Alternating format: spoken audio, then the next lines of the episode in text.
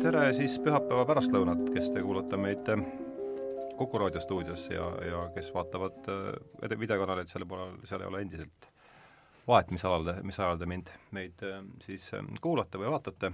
eetris on neljateistkümnes saade sarjast äh, Tähenduse teejuhid ja ka sedapuhku on siis saade ehitatud ühe, ühe raamatu peale ja nagu tavaliselt ma olen teinud, äh, kui, kui vaatluse all on mingi konkreetne raamat, olen ma sealt siis ette lugenud ühe, ühe lõigu ja seejärel tutvustanud äh, saatekülalisi, nii et siis äh, lõik täna jutuks tulevast raamatust.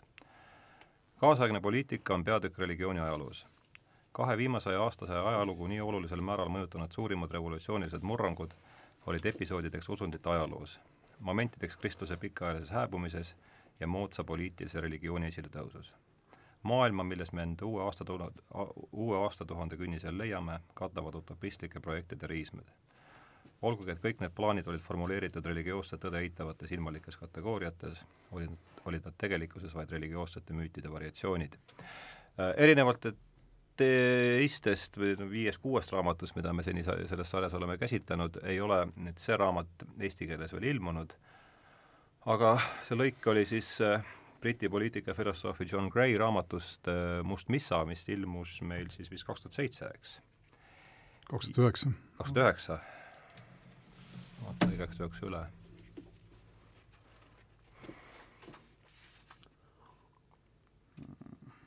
kaks tuhat seitse, copyright kaks tuhat seitse, sorry. kaks tuhat seitse, jah. ja äh, täna on siis ka, nagu kõikidel kordadel seni on olnud äh, saates äh, kaks külalist tere tulemast, Ahto Lobjakas, äh, Postimehe veerukirjutaja, Raadio kahe saatejuht. tere! ja Tarmo Jüristo, Praxise pealik. tere! ja vähesed vist teavad, et sa loed, loed sa siiamaani EKA-s äh, filosoofiat? Äh, Eesti mitte EKA-s, vaid see on siis Muusika- ja Teatriakadeemias. aa, vabandust, jah, muidugi, jah, muidugi, EMTA-s, jah. EMTA-s jah, lõpetasin seal selle, EMTA on muidugi niisugune ka kahetähenduslik lühend, et seal ja, tuleb täpsustada, et et millises EMTA-s jah, et la-, lavakas põhimõtteliselt olen kaks aastat mitte sõjaväelises mm. -hmm. et lavakas siis kaks aastat, teist aastat oled filosoofiat? jah, sedasama kursust.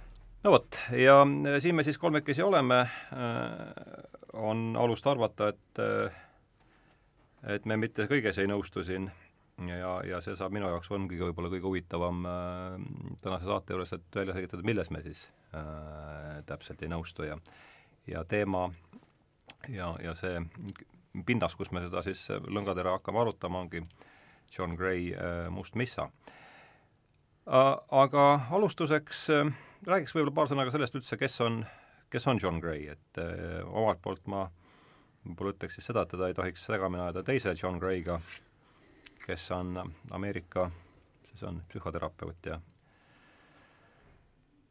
ja, ja suhtenõustaja ja kellelt on ilmunud raamat Mehed on Marsilt ja naised on Veenuselt ja kes on siis täna meil siin täna stuudios tulevas, jutuks tulevast John Grayst veel edukamalt oma raamatut müünud, kuigi kuigi poliitikafilosoof John Gray ei ole siin selles suhtes ka päris papispoiss, et et kes on siis, kes on siis John Gray ja ja alustame võib-olla Ahtost, sest sina oled ainuke, kellel me, kellel meist kolmest on temaga olnud mingeid isiklikke kokkupuuteid, et räägi, kus need sealt, kuidas need tekkisid ja ja võib-olla mingi niisugune väike isiklik lookene, mis annab inimesest mingi väikse ettekujutuse meile kunagi väga ammu, veerand sajandi eest, ma arvan, peaaegu, olin mina Oxfordi ülikoolis doktorantuuris ja tema oli minu juhendaja Jesus College'i, mis iganes ta tiitel oli, lecturer, ma arvan, mis ilmselt on mingit väiksemat sorti professor toona. ja nii umbes kahe koma millegi aasta jooksul ma siis käisin ta juures akadeemilise aasta vältel nii üle kahe nädala korra ja arutasin nende projekti arengut. projekt ei arenenud kusagile ja John Gray liikus kohe enam-vähem pärast minu äraminekut, ma mäletan LSC-sse, ehk siis talle tehti Läks Euroopa mõtteajaloo professor ikka, eks? täpselt, talle tehti parem pakkumine. sealt liikuski ära, jah? ja sealt tal hakkas see tähelend ja tulles tagasi selle teise John Gray juurde, kes kirjutas meestest ja naistest, Veenusest ja Marsist, mulle tundub, et viimase kolme-nelja aasta ajalookaar on nüüd tugevalt kaardumas selle Oxfordi LSC John Gray poole tagasi.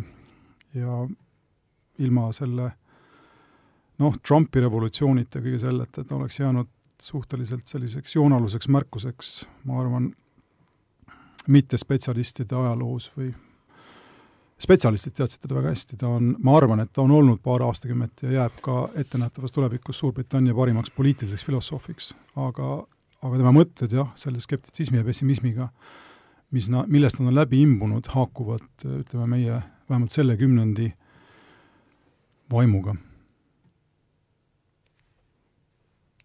Äh, mina äh, jah, äh, nagu, nagu siin alguses Ardo juba mainis, et minul isiklik kokkupuude John Gray'ga puut-, puudub, aga siis, kui Hardo mind siia saatesse kutsus, ma püüdsin ka oma mälusoppidest välja kraamida, et, et kust ma taga, temast nagu või tema tekstidega kõige varasemalt üldse kokku puutusin. Ja, ja siis püüdsin ka meenutada, et kas ma olen talt mõnda raamatut lugenud enne, kui ma sellesama Musta missa nüüd ette võtsin ja pean tunnistama, päris kaanest kaaneni jõudnud sellega siin ajapiirangu pärast. aga siis mul tundub, et ma vist ühtegi päris tema raamatut ei olegi lugenud siiamaani peale, peale selle Musta Missa. Äh, ja, äh, ja kui ma ei eksi, siis ma esimest korda puutusin temaga kokku mingi tema kunagise mingi John Rawlsi kriitikaga mm. seoses. aga et läbi aastate ma olen lugenud päris hulga tema selliseid poleemilisi artikleid ja siis üks asi, kus ma olen teda nagu vast isegi omamoodi kummalisel moel, et kui Ahto ütleb, et tegu, tegu on äh, Briti sellise ühe säravama poliitfilosoofiga, siis minu äh, sellistes äh, säravuse laht-, lahterdamiskate-, kategoorias ta on üks säravamaid raamatu arvustajaid mm., et, et kui on juttu erinevate inimeste siis ennekõike just kuidagi poliitikasse kalduvatest, mm, kalduvatest tekstidest ja raamatutest. viimane, mis nüüd just värskelt tuli välja, kus ta arvustas siis David Runciman'i värsket demokraatia Äh, lõpuraamatut, mis oli jällegi päris selline äh, huvitav lugemine ja neid äh, ma ütlen, ma olen alati seda ma ei ole ka lugenud, kus see oli? New Statesmanis oli see, nüüd tuli värskelt välja just.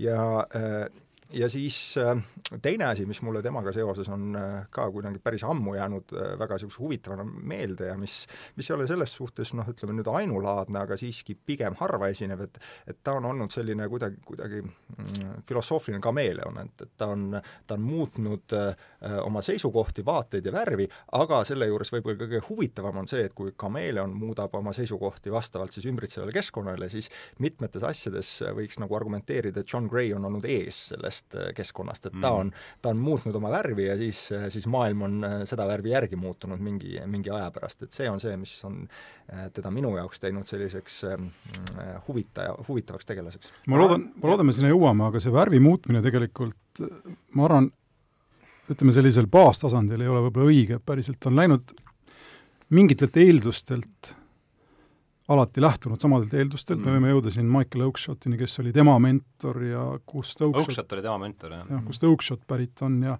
selline skeptiline liberalism on seal olnud algusest peale ja lõppu, ja lõpuni ja, jäänud, aga mis on muutunud, on ähm, noh, talle antud poliitiline rakendus ja tema enda võib-olla selline ka kaarena tema enda elu läbistunud niisugune jär, järjest suurem pettumus poliitikaga, ta läks kunagi äh, uu-, selle uue New Right'i juurde, uus parempoolsus ta alustas siiski vasakpoolsetena siis liikus, eks ole no,, Thatcheri juurde ja, aga ja siis ringiga tagasi. ta sai nii-öelda tuntuks või ja. mõjukaks Thatcheri juures, ehm, see on nüüd ütleme noh, mingisugune konservatismi haru, eks, mida võib ka arutleda, see on raamatus kergelt tõstatatud, siis kümnend või niimoodi edasi, ta oli Tony Blairi ringkondade äär, äärte peal ja pärast seda ta on tagasi tõmbunud, aga põhimõtteliselt tema impulss on alati olnud sama minu arvates, minu arvates ta ei ole nagu enda filosoofilisi lähtepunkte vahetanud, ehk selles mõttes värve vahetanud. poliitilisi nõu, värve küll, aga mitte filosoofilisi. jah, sellega ma olen ka. pigem jah, see poliitiline rakendus seal on nagu muutunud kui see vund-, vundament, eks ole. jah, et, et see lähtekohad, lähtekohad on tegelikult asi, kus tõepoolest on selline üks äh, pidev äh, joon võimalik äh, selgelt ära tunda, aga noh, just see, et mis, milli-, kuidas, kuidas ta on on nagu,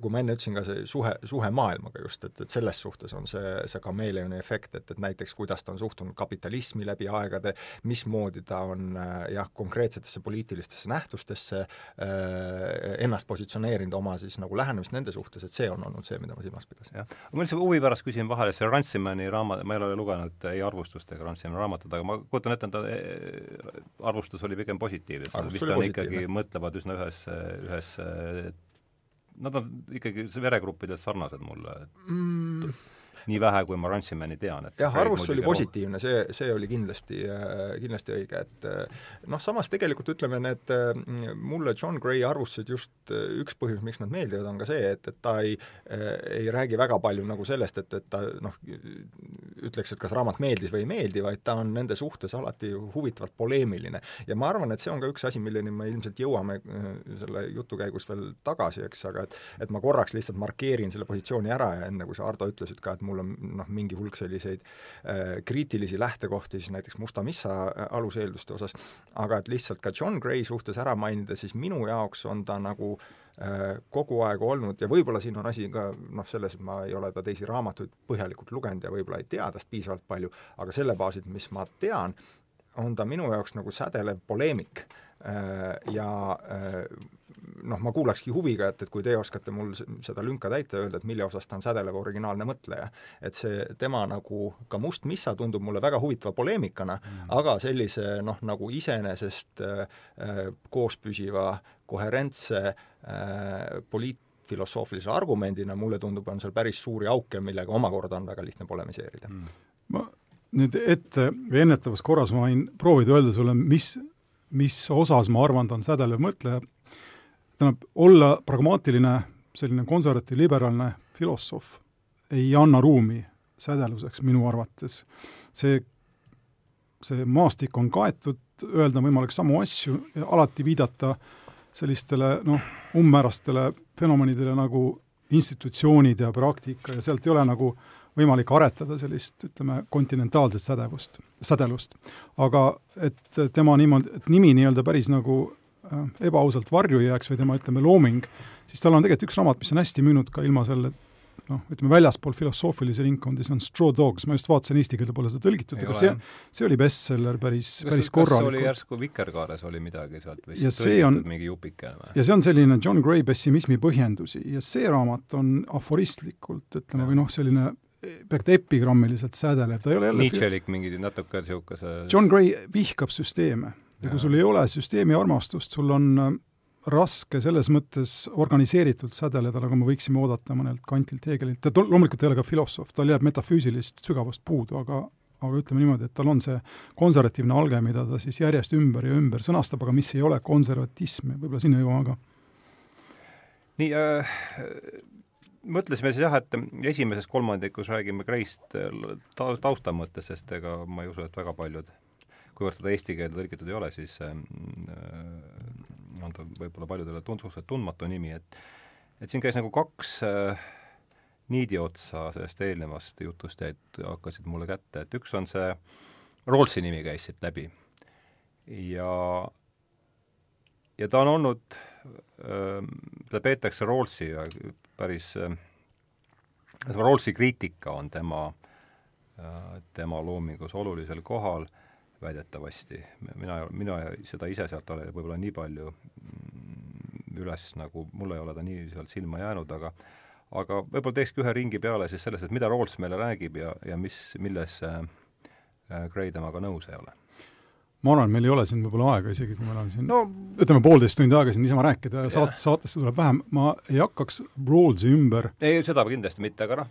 aga mida ma nagu jah, suhtestamaks teda Gray'ga, siis Rawls on kaasaegse liberaalse poliitilise mõtte elustaja aastast tuhat üheksasada seitsekümmend üks, äh, avaldas raamatu Theory of Justice, Theory of Justice, õiglusteooria, minu jaoks need kõik eestikeelsed terminid ausalt öeldes on kuidagi problemaatilised, võib-olla et on eesti keeles õige, võib-olla ei ole, igal juhul õiglusteooria, ma, teda vist pole ka tõlgitud eesti keelde. Kas on Aga- või- Äh, või midagi on seda vist ei või? ole, ei, Rawlsi erinevaid asju, muide ma olen kirjutanud ühele Rawlsi äh, kas isegi vist raamatule eessõna või, või ma mõtlen Mm. või ei äh,, ühele Rawlsi tõlkele Vikerkaares ma kirjutasin kommentaari ja siis vist oli, et Tanel Vallimäe tõlkis see, oligi vist see õigus kui, õiglus kui õig-, õi-, jälle seal on vaat need erinevad justice ja, ja. Tähendusvarjund, õigus kui õig-, õigemeelsus või õig-. et see läheb, see on peaaegu nagu Heidegger juba, eks, eesti keeles. aga see on tõlgitud igatahes, jah. ühesõnaga, Rawls elustas sellise kantiaanliku liberalismi projekti, kus esimestest printsiipidest on tuletatud noh, selline suhteliselt veretu indiviid ja temale selline seeria õigusi ning need läbi arutatud nii-öelda või õigustatud siis sellisest suhteliselt metafüüsilisest mõttekäigust lähtudes, millel puudub suur pistmine päris eluga, inimesed pannakse nii-öelda mingi loori taha, kus nad ei tea, kes nad on, kust nad on tulnud, mis neil on, mis neist saab ja nii edasi ja siis no see on muidugi mõtteeksperiment ja siis sealt eksperimendist Rawls väidab, nad tulevad välja põhimõtteliselt sellise liberaalse ühiskonnamudeliga. Põhimõtteliselt, kui sa enda kohta, kui sa ei tea mitte midagi, mis sinust võib saada, siis kõige mõistlikum oleks Ja. äh, ja täpne definitsioon on, eks see, see on see veil on ignorance, mis eesti keeles on tead, teadmatuse loor.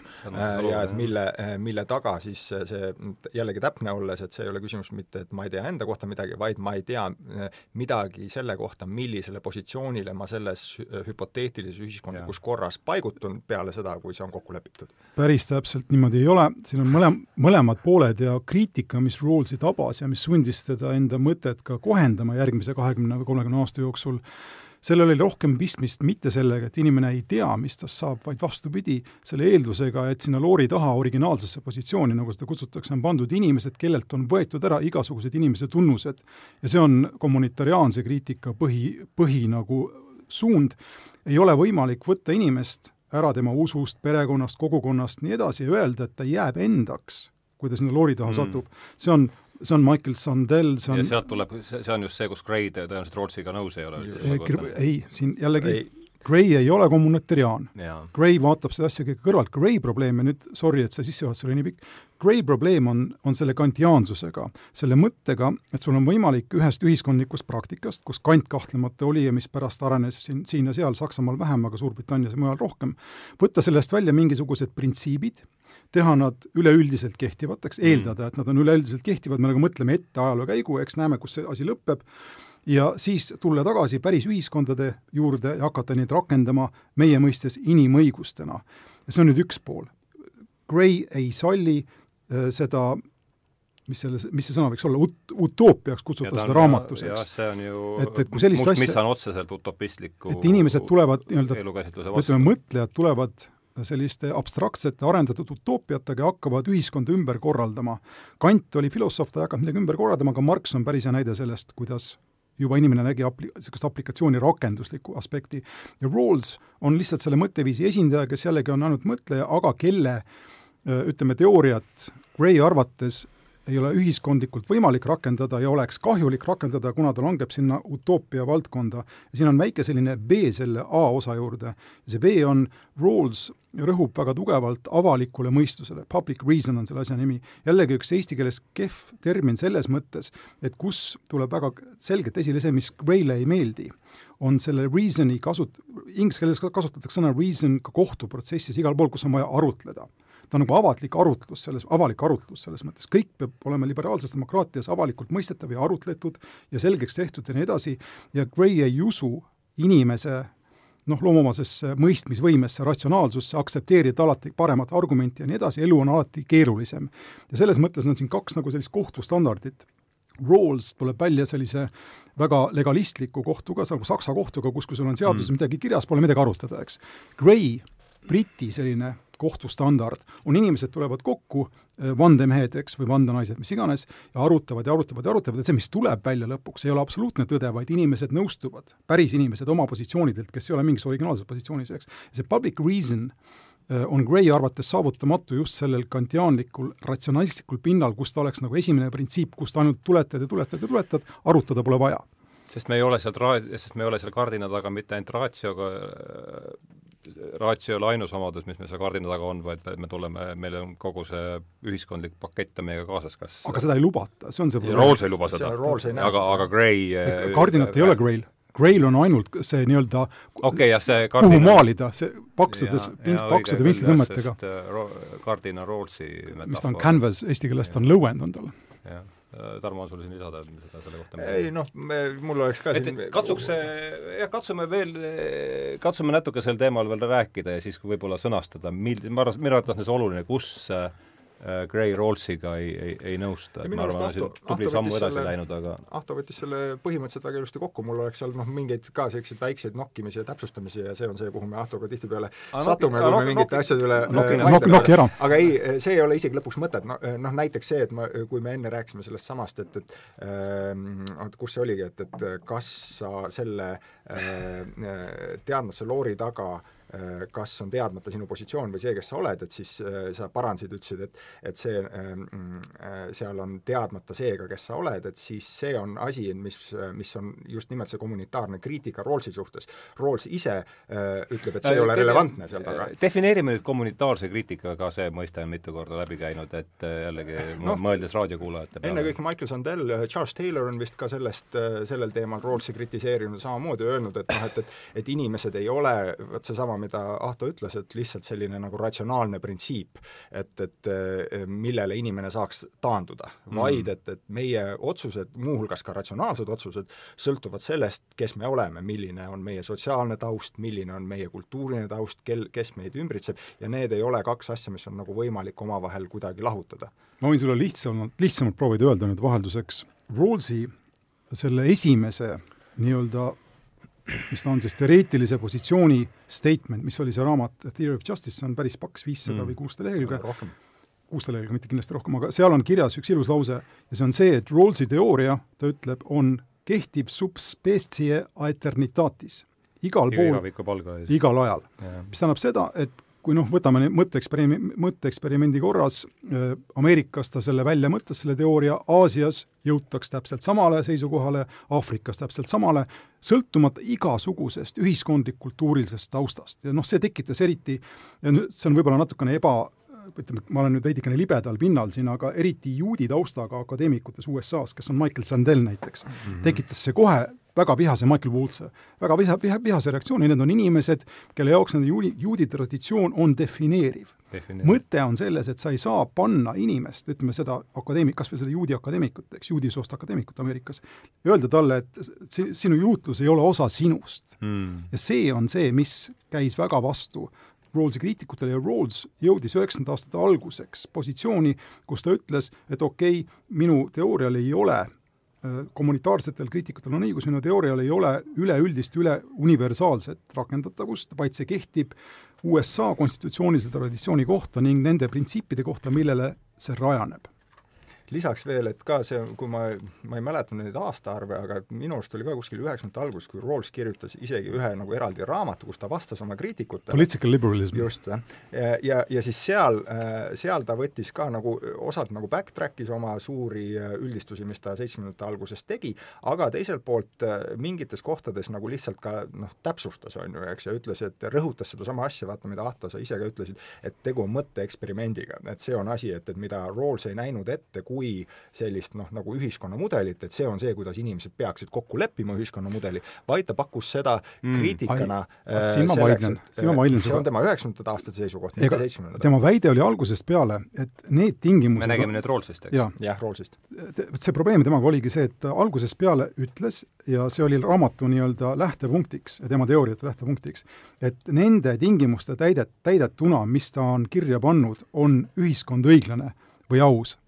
Ja see on minu arvates algusest peale poliitiline äh, väide. nii, aga äh, hästi, äh, teeme väikse vahekokkuvõtte praegu, et Gray on Rawlsi kriitik ja ütleme, Rawls on kaasaegse liberalismi üks niisugust noh, olulise oluline on aru saada, et Gray on legalistliku liberalismi kriitik, ehk siis liberalismi kriitik, mida surutakse peale kui seaduse tähte. just hästi, aga võtame nüüd liberalismi defineerivad tunnused, nii nagu Gray need on enda jaoks sõnastanud ja vaata, teeme siin ringi peale iga, igale ühele neist.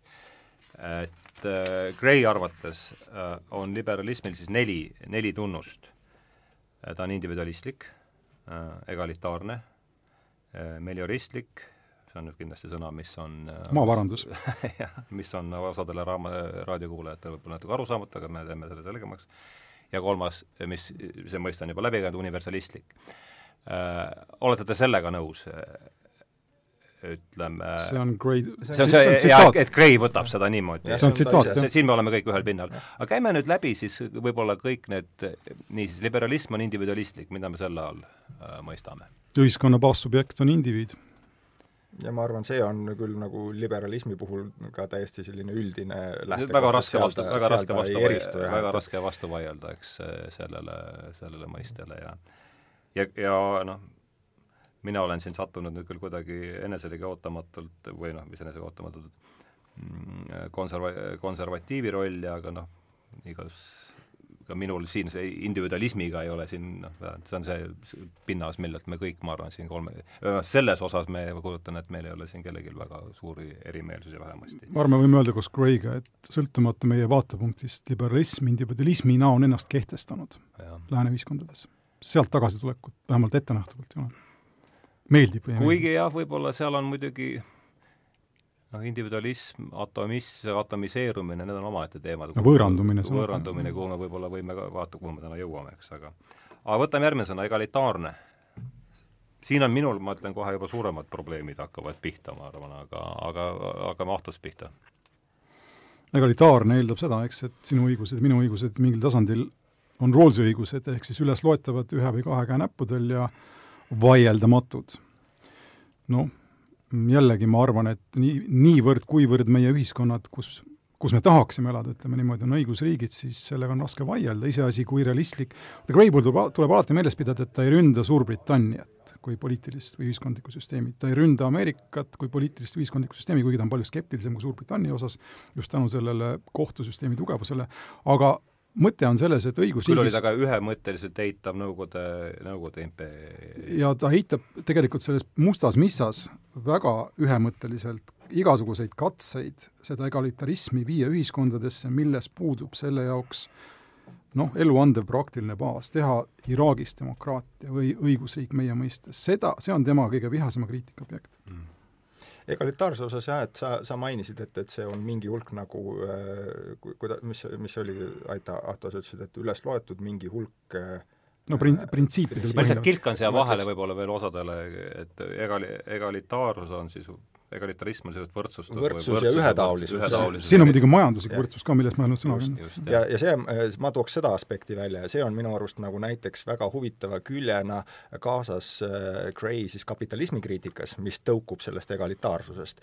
et, et kus äh, mitte ainult sellest, aga see on nagu üks selline oluline tahk, mis seal väljenduse leiab, ja äh, kus siis äh, Gray äh, loeb seda noh, nende neljana, tema jaoks, nii nagu mina temast aru olen saanud, et ei ei ole neid ühtegi, need, need, need neli kõik on vajalikud tingimused selleks, et, et saaks tema mõistes rääkida liberalismist. ja see egalitaarsus tähendab ka seda, et need õigused, needsamad esimese printsiibi järgi individuaalsed õigused, mis meil indiviididena on, on ühetaolised kõikide indiviidide jaoks, et, et see on see, et, et peale seda on võimalik liberalismist rääkida, kui nad ei ole ühetaoliselt kõikide jaoks, siis see ei ole tema jaoks liberalism. põhimõtteliselt me oleme indiviidid ja sellistena võrdsed, on need kaks esi-, kaks esimest meil on võrdsed õigused. võrdsed õigused, jah. me ei ole võrdsed, jah. ütleme, kaks esimest sammus, me oleme oleme kõik indiviidid ja meil on võrdsed, võrdsed õigused. Yeah.. kuigi jah, jälle siis ilmselt probleemid tekivad siin, kui me hakkame peened kirja nagu aga oluline on ka mõista see, et õiguste subjekt on indiviid, mitte, mitte kirik, mitte perekond, mitte midagi. Ühiskond jah, vaid et see on need indiviid ja indiviididena on meil eh, jah, need õigused võrdsed, see on siis Gray lähtekoht seal nii, ja nüüd on siis see huvitav äh, sõna, mis on võib-olla äh, rohkematele kuulajatele tundmatu, meliori-, liberalism on melioristlik. mis, mis tuum? tähendab seda, et selle all siis on eeldus asjade paranemisse või parandatavusse, meie leevendatavusse ka, sa võid öelda. no me, ütleme niimoodi, ma võtan otsetõlkes, aga mulle meeldib see veel vene ajast meelde jäänud sõna melioraator, kes tegeles, kes tegeles maaparandusega, nii et siin on tegemist siis ühi-, usuga ühiskonna parandatavusse. EPT-des oli olulisel. täpselt, või ütleme niimoodi, et siis, et ühiskonna peal on võimalik teha maaparandust, ma usun, et Gray'le meeldiks võib-olla isegi selline mm. kerge kalambuur, ja no siin on juba äh, Gray'l endal eks tõsiseid probleeme sellega, et muidugi ta usub ühiskondade parandatavusse, aga mitte täiustatav, täiuslikkusesse. Ja selle joone tõmbab ta väga vihaselt maha ja see on minu jaoks muide üks selline kõige esimene ka, et kui me nende kriitika asjadeni jõuame, et, et see, selle joone tõmbamise siis noh, põhjendatus või meelevaldsus, see on asi, et mille juurde noh, ma, ma loodan, et me tagasi jõuame. Aga siin ma, vaata siin on esimene koht, kus ma tõenäoliselt ei ole Ahtoga päris nõus, on see, et kas ta ikkagi usub äh, ühiskondade parandatavusse või vähemasti ma kirjutasin välja, kuna sa oled Pööki seltsi esimees, eks, siis ma kirjutasin spetsiaalselt välja sellest raamatust paar tsitaati kus selles raamatus Must Missa Gray kirjeldab enda positsiooni realismina. no siin on okei okay, poliitilist tausta ja see ei ole ainult filosoofia, aga ta ütleb, et realism ei pea ainult olema või ei pea olema konservatiivne vaatepunkt. ta ütleb edasi kohe, et Bööki äh, aeglane institutsioonide arendamine on tihti mittepraktiline ühiskonna jaoks kritiseerib otse Bööki, ütleb isegi edasi, et mõnikord on revolutsioon parem lahendus kui tänane olukord, ehk siis ta on väärtuste pinnalt lähtuv mõtleja kes loomulikult tahab võimaluse korral ühiskonna elu parandada, aga mida ta üritab öelda, on see, et kui ma näiteks, kui ta siin antud juhul kritiseerib George W. Bushi otsust kasutada piinamist terrorismi kahtlusaluste kallal, siis George W. Bush, ütleme siis see piinamise eemaldamine sellest menüüst oleks progressiivne otsus, tervitatav otsus, väärtuspõhiselt moraalne otsus ja nii edasi, ja selliste otsuste tegemiseks võib olla tihti pöökimeetod liiga aeglane, revolutsioon võib-olla liiga kiire, aga parem ühesõnaga, tal on, tal on halvem ja parem selgelt olemas. okei okay,, see, jaa, selles, selles ma absoluutselt ei kahtle, ta ei ole kindlasti moraali relativist, seda ta on ühemõtteliselt väita, aga see on kaks erinevat asja, kas sa kas, mis võiks olla siis, kuidas me nimetame mora-, mis oleks moraali relativismi vasta, kuidas me seda võiksime sõnastada? ei no siin on perfektsionism aga okei okay,, üks, üks ütles, üks asi ütelda see, et jah, parem üleval ja all on olemas, aga küsimus on selles, minu meelest meil natuke erimeelsus tekkis selle parandatavuse pinnalt, minu meelest, minu meelest Gray juures on põhi, väga oluline see, et ta on rõhutanud seda, et me ei saa seda progressi pidada mingiks etteantuks, et selles on väga palju sattumuslikkust ja ja aga see ei tähenda seda, et sa ei võiks proovida ühiskonda parandada. küsimus no, minu... on selle sinu nii-öelda ambitsioonide ulatuses ja, ja sinu saavutatavuses. ja, ja, ja sinu ka, ütleme, alandlikkuses. ja see on Humility väga, see on väga oluline kusjuures sealsamas Musta, Musta Missa alguses ta toob, see on see koht, et mis ma endale seal, seal nagu tekstis ära mainisin või märkisin, et mille üle just nagu hakata ka rääkima, et teeme selle hüppe korraks ära, et vaatame, siis lähme edasi selle neljanda punkti juurde ja tuleme tagasi sinna, aga ta toob sellesama näite orjanduse või orjapidamise noh, varal ja ütleb, et see on asi, et, et, et kus ta loomulikult ei väida, väida, et ühiskonda ei oleks võimalik paremaks teha. et äh, see, et, et meil on äh, ära kaotatud institutsionaalne orjapidamine, on selgelt äh, parem ja asi, kus ta ei, tal ei ole kahtluse raasugi, et see on moraalne imperatiiv, noh, see, sinnapoole liikuda. ei no na-, naiste valimisõigus ja kõik need asjad tegelikult, mida me loeme täna suhteliselt nagu keskseteks lääne ühiskonnas. jaa, okei okay,, aga äh, hästi aga ma oleks seal selles no, suhtes täpne, äh, täp-, täpsustav jah, et ma ka ütleks, et et äh, see, vaat siin on see tõlkevaste küsimus, meliorism on ju, eks, et kuidas seda täpselt, mis varjundiga seda ette keerata. et siis mulle tundub, et see on selline justkui nagu, mille äh, tähenduse varjund ei ole mitte niivõrd siis nagu äh, see maaparanduse mõttes, äh, mis, mis tõi mulle, tõi mulle huvitaval kombel meelde Benito Mussolini selle äh, Bonifica äh, pro-, projekti, kus ta kasutas just nimelt maaparanduse siis metafooriga ühiskondlike muutuste jaoks. vaid siis Gray poolelt on see, et, et tema nagu näeb seda sellise noh, nagu probleemide või halbade asjade leevenduse või siis nendele mm. kuidagi nagu kergenduse pakkumise äh, võtmes rohkem. ma arvan, see alandlikkus on jah, siin oluline. aga siin on kaks olulist aspekti. üks, üks on see moraalne imperatiiv, need sõnad ei meeldiks, see imperatiivi sõna ei meeldiks Gray'le, aga sul on no ta ütleb, et ta on, ta on väärtuspõhine filosoof. igal asjal on moraalne dimensioon, moraalse dimensiooni, moraalsel dimensioonil saab asju analüüsida.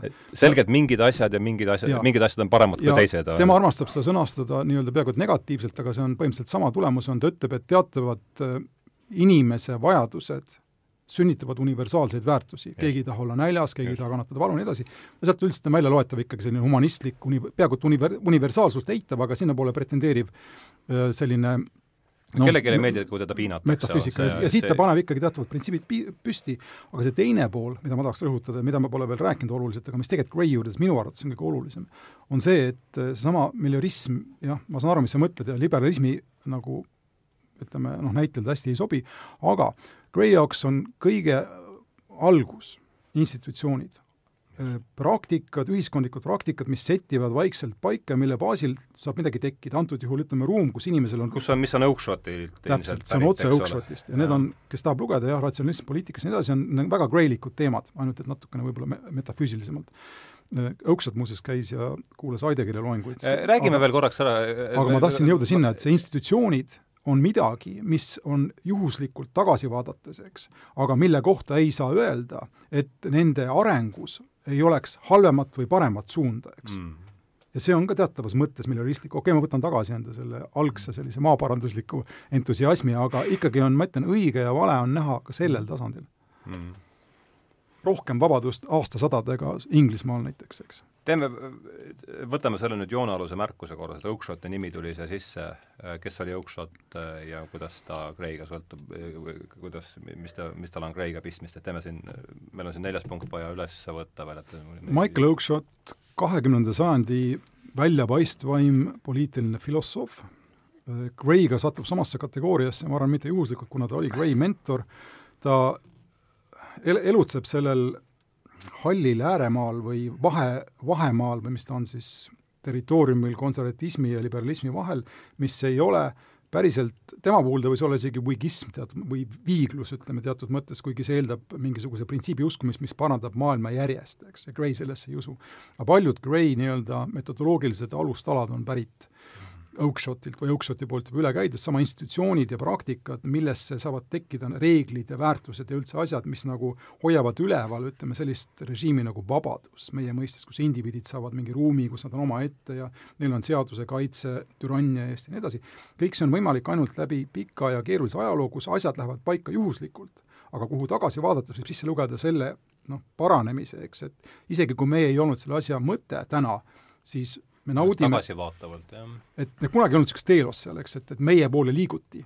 aga me võime rahul olla, et meieni jõuti ja võime ka loota, et veel läheb natukene paremaks, kuna noh, tänases maailmas ikkagi on piinamist, eks, on vähemuste rõhumist, mis Grayle üldse ei meeldi, kõike seda ikkagi võib ju loota uh,.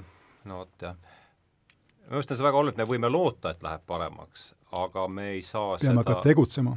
Gray ei kirjuta. nõus, ka seda, ka, ka selles nõus, aga me ei saa seda pidada iseenesestmõistetavaks ja ei noh, gara-, garantiid ei ole, ega saagi olla, jah.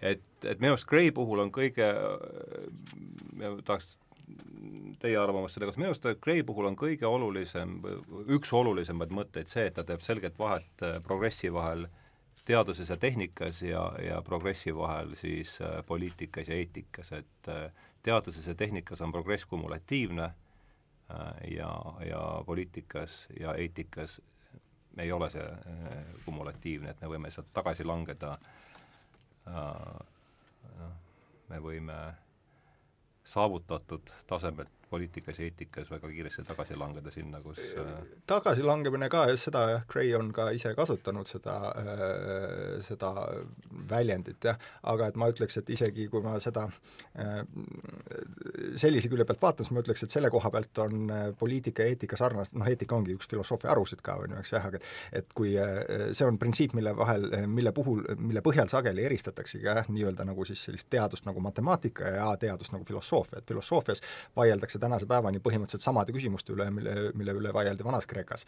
ja et äh, need äh, ei ammendu Just. seal, äh, aga selle juures ei saa öelda, et ei ole argumentatiivset progressi olnud see argumentatsioon on liikunud palju edasi, palju laiemaks, aga ta ei ole jõudnud jah, sinna, et, et vaat see küsimus meil nüüd, see kolmnurga sisenurkade äh, külma äh,, sisenurkade summa teema on maas ja ära lahendatud. et need asjad, mida filosoofias äh, lahendatakse ja siis ka eetikas ja tegelikult täpselt samamoodi poliitikas, on asjad, mida on alati vaja kogu aeg uuesti lahendada. ma tahaks, see nüüd läheb keeruliseks, sa muidugi lükka see kohe välja, aga päris vist niimoodi ei ole, ühesõnaga mina ei ole nõus selle filosoofia ja eetika lahutamisega, kuna ikkagi üks on siis eetika on oma juurtega filosoofias mingites väga elementaarsetes arusaamades äh, ja nad ei ole selles mõttes lahutatavad, kui ma mõtlen Gray peale, siis ma loen teda, siis mulle tuleb pähe Heidegger ja ma ei taha nüüd, ma vaatan, te vaatate mind niisuguse kaht-, kahtlaste pilkudega, eks. aga tal on üks selline, äh, ütleme selline noh, väga sügavalt läbijooksev joon, mis minu arvates sa räägid nüüd Grayst? jah, mis on minu arvates Heideggerlik ja mis ma arvan, et on temani jõudnud läbi Oakshoti,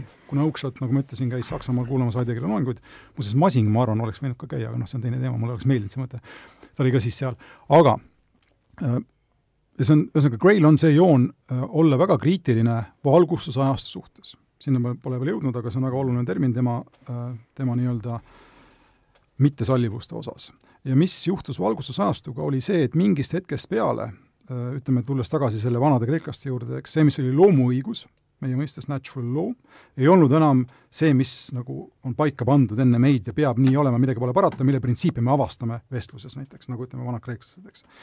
vaid loomuõigus, ma tsiteerin Grade, on tänaseks midagi, mis on lihtsalt mingi regulaarsuse nentimine, et kui nii palju on näiteks geisid, siis järelikult on loomulik, et noh, mis iganes, või nii palju abiellutakse, loetakse üles statistiline mingisugune seos pannakse tähele ja öeldakse, et nii on loomulik. ja mis, mida see kirjeldab, on inimese mingil hetkel Descartesist alates, muide Descartesi selles Mustas missas ei maini äh, Gray kordagi. vist ei ole, jah. aga Descartesist alates on toimunud selline ärapööre siis sellest algsest loomuõigusest või sellest, sellest mõistest, kus osad asjad on lihtsalt paigas või kõik, kõige tähtsamad asjad on paigas, eks me võime ainult arutada nende üle.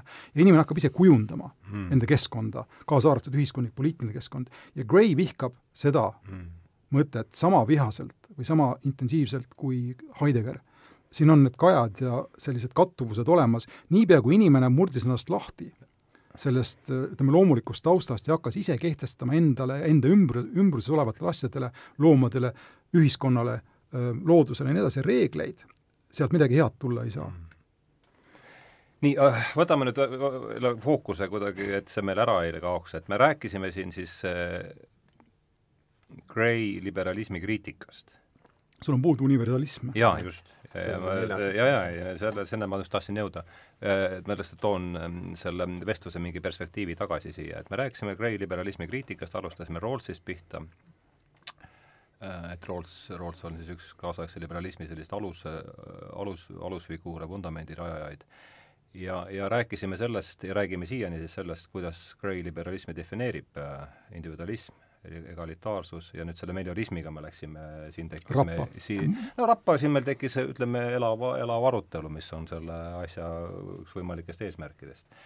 ja ma arvan, et neljanda punktiga meil vist ei teki siin, siin me saame, oleme suhteliselt ühel meelel, et äh, liberalism on universalistlik äh,. no defineeri ära siis äh, mis on, kuidas mina universalismist aru saan. sellest printsiibist? ja ma saan, ma saan aru niimoodi, et mingid printsiibid ja nendest me rääkisime, on üld, üld, üldkehtivad, nad sõltuvad, nad on alati õiged siis sõltumata ajast, sõltumata kohast ja ja võib-olla siit ongi hea nüüd minna selle kapi-, tema suhtumisele kapitalismi. kas ma tohin panna vahemärkuse, et jaa, muidugi, jaa, aga jah, et oleks kuulajale hästi ja, selge, mis ja, see universalism, just selle noh, põhi, põhjusele me arutame siin nominaalselt vähemalt seda musta missat. jah, sinna me hakkame nüüd jõudma varsti võib-olla. Äh, ütleme, kaks kolmandikku sellest raamatust on vihane kriitika USA neokonservatiivse välispoliitika aadressil, mis üritab just selli-, teha seda, mis tema arvates, Gray arvates on kõige valem, kõige vähem õige siis universalismiga, ehk eeldab, et iga iraaklane on nagu lääne inimene, kes ootab, kes ootab türannia eemaldamist ja on kohe vaba see on selle universalismi nii-öelda praktiline pool, millega Gray võitleb, muu on noh, utoopia ja lihtsalt selline, no ta ütleb, üks, üks müütidest nagu usumüüt, eks, et, et me oleme sarnased. aga see rakenduslik pool on see, mida ta ründab, see mitterakenduslik pool on lihtsalt tema arvates intellektuaalne eksitus. Et siin me läheme tagasi selle juurde, eks, et iga inimene on kogukonna liige, tal on oma taust ja nii edasi, sa ei võta seda sealt, ei, sa ei tohi teda sealt välja võtta, on see antiuniversalistlik sõnum, mis ta ütleb, sa teed ta vähem inimeseks, sa ei, sa ei respekteeri teda sellena, kes ta on universalismi kohta on sul veel midagi ei, siin ma arvan, ei ole lisada midagi. okei okay,, aga siis, et see asi, nüüd me oleme rääkinud sellistes äh, printsiipide tasandil liberalismist, et see asi nüüd natukene oleks äh, võib-olla konkreetsem ja need me kuidagi saaksime need äh, seni räägitu mingisse praktilisemasse konteksti võib-olla saada. päris ju vestluse alguses käis läbi, oli teemaks meil äh, suhtumise muutumine kapitalismi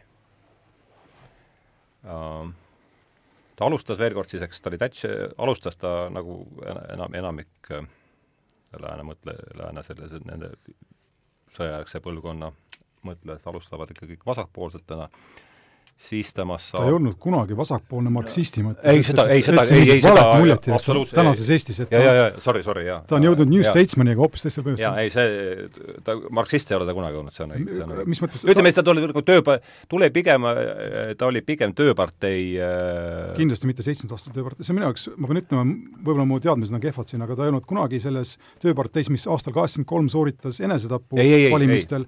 no ütleme, minu arust poliitiliselt ta ei olnud üldse angažeeritud enne, kui tuli Thatcher. Pigem jah, ja ta oli liberaal. jah, ärm-, jah. ta on tagasi võtnud enda seisukohti John Stewart Milli, Hayeki ja teiste suhtes, aga need on mehed, kellest ta alustas, kui ta oli noor teadur. jah, no hästi, jätame selle, ärme, ärme siin äh, klassikaline liberaal oli ta. jah, okei okay.. ärme siin äh, hakka seda, seda, seda peatükki praegu avama. aga tõepoolest äh, nagu tuntuks saab ta eelkõige siis Thatcheri administratsiooni nõustajana ja äh, ja, ja loomulikult siis kom-, on terav kommunismikriitik, aga üheksakümne kaheksandal aastal ilmutas siis, noh see raamat teeb ta tegelikult ikkagi vist äh, eelkõige siis äh, kuulsaks, väga tõesti hea, minu meelest suurepärane raamat, äh, globaalse kapitalismi luulud, Delusions of Global Capitalism. ja kuidas see nüüd, üritaks nüüd selle raam-, räägime kõigepealt, mis, millest ta seal raamatus kirjutas ja kuidas see haakub selle, sellega, mida me siin nüüd eelnevalt liberalismist rääkisime, see noh, unistus sellise ülemaailmse kapitalistliku äh, maailmavabariigi järele, mille kohta minu meelest Gray ütleb selles, selles raamatus, et see unistus on täitumatu no seda teemat ta puudutab ju muuhulgas ka Mustas missas ja terves hulgas oma, oma siis artiklites. Nagu ma ütlesin, et mul on tegelikult see Delusions of Global Capitalism nagu äh, e-lugeris olemas, aga ma ei ole teda kunagi lugenud et ma olen lapanud teda lihtsalt mm -hmm. siit-sealt, jah. aga et see noh, enne Ahto sellest tegi ka juttu, et, et kus nagu Gray muutus väga kurjaks äh, või, või siis hästi kurjalt kriitiliseks äh, äh, muuhulgas ka näiteks noh, see poliitiliselt väljendus just nimelt see Bushi katses eksportida siis ameeriklikku demokraatiat, aga ta on ise tõmmanud ma ei su-, suuda nüüd öelda, kus ka seda joont öelnud, et et vaata, et peale seda, kui nagu kaheksakümnendatel kommunism kokku kukkus, et siis sai sellest äh, neoliberaalsest kapitalismist selline utopistlik projekt. et, et mis, äh, mis leidis, et noh, et nad on ainus mäng äh, äh, linnas ja et, et see nüüd on asi, et, et mis, mis levib iseenesest, et see on mhm. see uus äh, helge tulevik, et kuhu inimesed äh,, inimesed jõudnud on ja selle osas ta oli jah, väga kriitiline ja need põhjused on ilmselgelt noh, seo-, sellega seotud, mis me siin enne just rääkisime. jah, aga probleem ei ole, minu arvates see kapitalismi teema on tema jaoks alati olnud sekundaarne, ta oli kunagi väga hea majandusanalüütik siin äh, hiliskaheksakümnendatel ja ta kirjutas Nõukogude süsteemi kriitikat, enne kui see kokku kukkus. Äh, mäletan, mis selle äh, post-liberalism või mingi niisugune esseekogu oli ja aga ta, ta ei ole, ta ei ole kunagi olnud äh, nagu primaarselt kapitalismi kriitik. probleem on tema jaoks seda on, ta tuli ühel... Thatcheri, ta tuli, oli Thatcheri ja. administratsiooni aga probleem on see, probleem on ühiskonna uuendamine, mis oli pinnas, millelt ta siis Thatcherit üritas nõustada, pärast ta kirjutab siinsamas selles äh, Mustas missas, Thatcher alustas midagi, millest ta aru ei saanud ja see viis ta kuha, kusagile, mida ta üldse ei tahtnud. Thatcher tahtis tagasi saada viiekümnendate aastate konservatiivset idülli äh, Suurbritannias, mida ei olnud tagasi saada võimalik ja mille kohta Gray ütleb, et need ongi utopistlikud projektid, mis üritavad niimoodi kehtestada mingisugust ole, noh, juba olnut, eks see on samavõrra utoopiline kui ma-, Marx, ütleme, konservatiivselt võttes. mis juhtus, oli see, et Thatcher lammutas sisuliselt vana ühiskondliku korra, rammut-, lammutas klassiühiskonna ja lasi turumehhanismid mm. igale poole ja noh, Gray ei ole väga, minu arvates ta ei ole turukriitiline kindlasti, aga ta ütleb selgelt, eks, et on kohad, kus nad toimivad ja kohad, kus nad ei toimi. ja võt-, võt-, võttes meie enda siin riigireformijate manifesti, no see on puhtalt, nad tsiteerivad seal Blairi, kui ma ei eksi, eks, motos, ja see on täpselt see, mida Thatcher tagasi vaadates tegi Suurbritanniaga, üritatakse meile ka nüüd öelda, et, et põhimõtteliselt turustage avalik sfäär, eks. New public management. ja Gray on väga kriitiline selle suhtes ja Gray ütleb muuhulgas Venemaad vaadates, et sellega sisuliselt, eks, kapitalismi toomise sildi all sünnitati, sünnitati see see Jeltsini-aegne režiim, mis viis oligarhideni ja lammutas põhimõtteliselt ka usu demokraatiasse. aga see ei ole otseselt kapitalismi kriitika, vaid see on väärkasutatud kapitalismi kriitika. jah, see on õige, see, ta, ta on sellesama siis millenarismi ja teleoloogia kriitika eelkõige kui, kui kapitalismi kriitika ja ma arvan, et tegelikult siit ongi hea, hea minna selle siis äh, me oleme siin peaaegu tund aega juba mm, lobisenud, et äh, lähme Musta Missa juurde siis. aasta on meil kaks tuhat seitse, kaks tuhat kolm on ilmunud äh, Õleskoerad või õlg, õlgkoerad, kuidas seda parajasti tõlkida, Straw Dogs, mis on selline noh, Nietzsche stiilis, nagu Ahto siin juba rääkis, niisugune afor-, aforistlik äh, väga loetav, väga loetav, väga loetav raamat, kaks tuhat seitse siis Must Missa äh, see oli ka alapealkiri Straw Dogsil on inimesed ja teised loomad, mis on läbi see on vist äh, mõtteid inimestest ja teistest. aga see Tootsa. inimesed ja teised loomad ja, on läbiv äh, nii-öelda mõte. aa, vot ja see on, mina mäletan mustas missas on ja, see ja, ja, ja mu isiklik niisugune, minule kõigepealt üks sokutaski, üks inglane sokutas selle Straw Dogsi ja ma vaatasin kaanele, ta vaatas, et humanismi kriitika. kurat, mis asi see on, et ma ei taha sellist jama üldse lugedagi. et kuidas nüüd saab humanismi, humanismi kritiseerida. noh, see oli niisugune, ma olin siis ikka kõvasti noorem ja veel rumalam kui praegu et kuidas saab üldse siis huma-, et räägime siiski Straw Dogsis ka, et Straw Dogsi kaanel on humanismi kriitika. et kuidas me, kuidas me, minu arust see on oluline, enne kui me nüüd läheme selle äh, Musta Missa juurde, et kuidas kuidas saab, kuidas saab üldse humanismi kritiseerida, et mis te, mis tegelasega on tegemist, et Ahto hakkab sinust pihta? no humanism on seesama inimese täiustatavuse või täiuslikkuse, täiuslikkuseni viimise võimalusse uskumine. ja ma ei tea nüüd, paljud teist on tähele pannud seda all, allhoovust Gray äh, raamatute nimetuses, aga Enlightenment's Wake viitab seal Finnegan's Wake'ile teatud mm. mõttes modernismile, aga wake tähendab, eks noh, mis ta on siis, peiesid, alg-, valguse peied, must missa on sõna otseses mõttes päris traditsioonilise missa tagurpidi laskmine, saat-, see on saatanlik asi, eks, ja see Stray Dogs muuseas on Samuel Peckinpah üks väga verine vester, mis kunagi murdis noh, žanreid praktiliselt keelustati ära siin ja seal ja ta, tal on see joon, John Gray'l tuua selline, sellist popkultuuri ja väga veriselt ja väga selli-, ütleme, väga apokalüptiliselt sisse, et äh, Straw Dogsi point on öelda ja see jookseb läbi ka Mustast missast, et inimene on põhimõtteliselt ikkagi loom ja oodata, et hakkaks käituma mitteloomana, on mõttetu ja ajaraisk ja viib asju ainult halvemaks, sest et inimese elu saab olla ainult lõputu kompromisside jada, kus hoitakse nende institutsioonide najal püsti mingisugust korda, tsivilisatsiooni kütked, nagu ta ütleb, teevad meie elu mõttekaks ja võimalikuks ja kui need kütked maha heidetakse, tuleb jälle sõda, türannia kõik, varem-hiljem tuleb jälle no nagu ma ütlesin, ma Straw Dogsi ei ole lugenud, et, et ma jah, humanismi, humanismi kriitika erinevaid äh, vorme olen siit-sealt äh, nuusutanud ja kokku puutunud, aga et ma jah, ei hakka kommenteerima raamatut, mida ma lugenud ei ole ähm,. Ja vot see Beckenbauer viide sellele läks mul kaduma, aga ta üks ähm, kas ta seal tsiteerib ise alguses kohe vist Lao Tzi'd selles õlgekoertest, et, et need olid, õleskoerad olid need, mida kasutati siis Hiinas teatud rituaalides, jumalikustati neid ja seati kõrgele kohale, kui kui tseremoonia läbi sai, siis visati need õleskoerad kõrvale ja põletati ära ja see, see on siis nagu tema selline see kõlab jälle Nietzscheliku selle puuslike hämaruse äh, äh, moodi. No ühesõnaga jah, et meie, et meie idee on siis selles, see humanism, mida mõistab siis niimoodi, et see hetk, kus inimene on tõusnud jumala koha peale, mida jumala ta kunagi koha, täita ei suuda. mida ta täita ei suuda, on sama sattumuslik kui kõik mis tahes muu asi meie, katse, ümber. võib-olla katse siis natukene rahvaharidust ühe või kahe lausega selle Nietzsche juurde panna, et see Nietzschelik printsiip, eks, jumal on surnud tähendab lihtsalt ei midagi nagu esoteerilisemat kui seda tähelepanekut, et Nietzsche kirjutamise ajaks usk oli lõpetanud sellise hingestatud noh, hingestava ja siduva täpselt, funktsiooni inimühiskonnas, vähemalt läänes, selles mõttes, et kombeid täideti, aga usk Jumalasse kui sellisesse motiveeri-, motiveeriva jõuna ühiskonnas ja kogukonnas ja inimeses oli kadunud, Jumal, süsteem kehtis, aga selle Jumala koht oli tühi, eks. ja see on põhimõtteliselt liberaalse maailmakorra üks võimalikke definitsioone, printsiibid, põhilised püüded kaasa arvatud siis inimese parandatavus ja täiuslikkuseni viimine ja nii edasi, universaalsus on sealt üle võetud, aga jumala koha peal on inimene ise ja noh, Gray naerab õõnsalt ja kõminal sellise, sellise hubrise peale. nii. hakkame siis pihta. kuidas, ma mõtlen, kuidas seda musta missa juurde minna.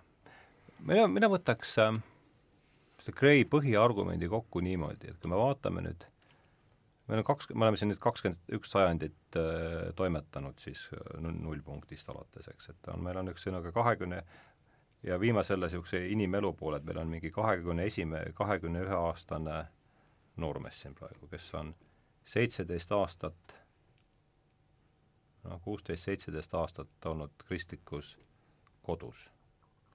ja nüüd on läinud siis kuhugile ülikooli või on ta siis seal keskkooli lõpus hakanud oma sellise kristliku kodu vastu kõvasti mässama. ja aga tema mässus on needsamad kodust võetud äh, skeemid endiselt olemas, tema, tema pähe on ta sellest tulenevalt sellest kodust ja, ja kultuurist, kust ta pärit on, see kristluse mikroskeem tema pähe on tinnutatud see Kristuse mikroskeem ja ta näeb kõiki asju, noh, ta äh, niimoodi, nagu see skeem tal parajasti võimaldab, et kas selle, kas te selle argumendiga olete, et see, see on see, mida Gray ütleb, mitte et kas te olete minu, minu Gray sellise tõlgendusega nõus mõlemad? Mitte ühtegi nendest asjadest ta muidugi ei ütle sellega. ei no ma, ma, ma, ma tõlgendan seda niimoodi ja niimoodi ta tõepoolest selliseid sõnu ta ei kasuta, aga ma arvan, et noh, see on see, kuidas mina üritan seda no see, see, ma saan aru, kuhu sa viitad ja ma olen ka tegelikult kuulasin siin, et, et mõtlesin kaasa, et huvitav, et kui palju ka sellest Gray ise nõustuks äh, sellisena esitatuna, aga et ma saan aru, et, et mis see joon, see, see kristliku juurte või siis selle äh, judeokristliku traditsiooni äh, transformatsiooni aspekt on seal üheks lähtekohaks, aga ma lisaks sinna juurde selle, et äh, see, see on üks noh, nagu nurgakivi, mille peale äh, Gray hakkab seda musta missat ehitama, teine on siis seesama äh, ähm, utopistlik joon, mis ta tõepoolest võtab ka nagu sellise alguspunktina, ütleb, et ta projitseerib seda, kusjuures selle algus läheb muidugi kaugemale kui kristlusesse, et kristlus no, võttis ka selle üle, et see ei teki tühjalt kohalt, on ju, eks, aga et see, see apokalüptiline äh, eskatoloogiline, et, et maailm on lõppemas ja sellele järgneb uuem ja parem maailm, et see, see on asi, et mida ta siis selles võtmes loeb äh, sisse äh, poliitilistesse muutustesse ja äh, ennekõike siis käsitledes ta, ta kasutab seda justkui postuleeritud judekristliku mõttemustri või pagasit, aga ta räägib tegelikult ajast nii oma selles kriitilises ekspositsioonis, sellest ajast, mis algab põhimõtteliselt Prantsuse revolutsiooniga see on seesama meliorism messianistliku printsiibina, mille tema arvates kristlus tõi mm -hmm. sisse, ehk siis see, nagu Tarmo ütleb, eks, uuendatavuse ja uuesti sünni võimalus, kui äh, kõik nii-öelda vanemad ja kõrval mittekristlikud suured tsivilisatsioonid nägid maailma tsüklilise situatsioonina, kus mingisugusel hetkel kõik põletatakse ära, alustatakse uuelt tühjalt kohalt, aga midagi ei kirjuta sinna sisse seda spiraali mõistet, et sa oled kõrgemal kuidagi, eks. Lihtsalt käib see aja, aja, ajaratas ringi, nagu Nietzsche'l on kõige igavene tagasitulek, tagasitulek, eks. et kui see nüüd asendatakse selle kristliku, nagu sa ütled, tinutamisega, mul nende sõnadega on veidike raskusi, aga nende mikroskeemide tinutamisega, siis jah, see on tema diagnoos, ütleme, laias laastus ajaloolisele epohhile, mida me võime kutsuda liberaalseks maailmakorralduseks nii, aga vaatame hästi, te päris nagu tagasi ei lükanud seda mhm. võrdumit, et, et me võime seda vähemalt selle, sellega edasi töötada, et mis on siis see, mis on selle mikroskeemi me eelnevalt rääkisime siin see liberalismi põhitunnustest, eks, et et mis võiks olla selle mm, selle mikroskeemi põhilised tunnused? ja ma arvan, et see oleks esimene sõna, mille üle me võiksime siin nüüd nagu arutada, on teleoloogia mm. -hmm. kristluse, sellesama äh, kristluselt päritud äh, mikroskeemi juures. Äh, mis on teleoloogia äh, ja, ja kuidas see haakub nüüd selle, sellega, millest me siin rääkisime, selle kas ma tohin teha niisugust naiiv-Nietzschelikku jälle, mis ta on, siis populaar- või vulgaar-Nietzschelikku tõlgendust natukene või niisugust võrdlust, Nietzsche on öelnud, et kristlus on platonism massidele. jah, just on, see on ja kui ma üritan nüüd võtta need kaks elementi siin lahti, siis platonism väga niimoodi robustselt öeldult, eks ju, Platon ütles, et äh, meil on kaks nägemisriiki, üks on nagu mõistusega või vaimuga nägemine, teine on see, mida me näeme pärismaailmas silmadega. ja me ei saa kunagi nägema seda tõelist nii-öelda vaimumaailma päris selgelt, kuna meile pole antud seda funktsiooni, eks. mis on siis natuke, eks me ei saa kunagi perfektseks. meil on olemas need ideaalid, millele me, millele me võime nii-öelda naja, nõjatuda, aga me saame ainult püüelda. kristlus andis meile lõpliku garantii, et kunagi ühineme me Jumala ja Poja riigiga ja oleme isa trooni ääres äh, mingisuguses noh, ülendatud versioonis, eks see on see vahe. ehk me jõuame sellest varjude riigist siis sinna päris ideaalsesse riiki täpselt, ja pani selle, pani selle impulsi sisse hakata inimühiskonda muutma ja ma jällegi leidsin ühe tsitaadi ja see on miks, see on nüüd valgustusajastu kohta. see on nüüd see Mustas missas siis või? täpselt. valgustusajastu ütleb ähm, Grace'is lähtub usust, et inimese usku on võimalik muuta inimese tahteaktil läbi. ja see ta ütleb, et on hubris anna palun uuesti see et inimese elu, inimelu, inimelu mm -hmm. on mhm. võimalik muuta inimese tahteaktil ja, läbi. sellesse Gray ei usu, selle on kristlus toonud. ja seda on liberalism jätkanud. just Äh, ja mis see küsimus täpselt oli, oota ma praegu äh, teleoloogia üldse selles ah, teleoloog, no teleoloogia iseenesest ma arvan, et siin on see, kus sa vist ei, nii palju, kui me meile vahetasime, et sa ei ole selle seal hakkavad tekkima mulle hulk probleeme jah, et, et esiteks on see, et eks teleoloogia jällegi muidugi on nagu palju vanem, äh, vanem nähtus kui, kui Kristus, see, et mingitel asjadel on suund, telos, määratus, otstarbepärane äh, suunitlus asjadel äh,. Ja äh, mis mind selle Musta Missa juures selle mm, ma näen äh, Gray, äh, Gray äh, positsiooni seal, aga mind nagu segab tema puhul nagu mingis mõttes äh, selline äraspidine teleoloogiline eeldus või, või et, et ta, ma pean seda, selle selgitamiseks minema nagu paar sammu eemale või, või paar sammu tagasi, et, et asi, mis mind segas või häiris selle, selle juures, kuidas tema postuleeris või kritiseeris neid utopistlikke momente inimkonna ajaloos, et, et nagu Prantsuse revolutsioon, nagu äh, Marxi kommunistliku manifesti avaldamine tuhat kaheksasada nelikümmend kaheksa, nagu äh, oktoobrirevolutsioon ja nii edasi, et siis ta justkui näeb mingit äh, murrangut selles, selles ajas, mis tekitab äh, uu-, äh, pretendeerib uue ühiskonna loomisele. nüüd Prantsuse revolutsiooni puhul ma ei mäleta, mis selle ajaloolase nimi oli, kes no, lõpuks jõudsime sinna, jah. kes selle, selle välja tõi, kus, mis mulle on see mõte väga nagu kalliks saanud üle aegade, on see, et kui ta-, tihtipeale nähakse Prantsuse revolutsiooni poliitilise sündmusena, millel oli nagu mastaapne sotsiaalne tagajärg, et siis äkki oleks mõistlikum vaadata Prantsuse revolutsiooni kui vähemalt sajandipikkust sotsiaalset muutust, millel lõpuks oli poliitiline tagajärg. Mm.. Ja, ja see paneb minu jaoks nagu selle utopistliku projekti nagu hoopis teistsugusesse valgusesse, et kuidas seda kritiseerida võiks ja peaks. sest see ei ole siis enam see olukord, et sul on niisugune toimiv ühiskond, kuhu saabub mingi hulk tulipäid, kes leiavad, et, et see ühiskond võiks olla parem ja nad hakkavad kõike nagu valimatult lõhkuma ja looma uut ühiskonda, vaid kui vaadata sellest teises, teises võimalikus võtmes, et siis sa ütled, et sul on ühiskond, mis on liigestest, liigestest lahti mm. juba sada aastat, et kus asjad ei tööta, kus nad ei klapi. ja sellel lõpuks on niisugune kollapsi äh, tagajärg põhimõtteliselt sellega on raske vaielda, iseasi on see, et kui sa ranget-, rakendaksid enda mõttekäiku praegu Nõukogude Liidu tekkimisele või bolševistlikule revolutsioonile, siis võiks ka öelda ju, et see, mis oli Nõukogude Liit, oli lihtsalt eelmäng selles, mis revolutsioon tõi esile sada aastat hiljem putinistlikul Venemaal, eks, mis noh, ei kehti, ma arvan.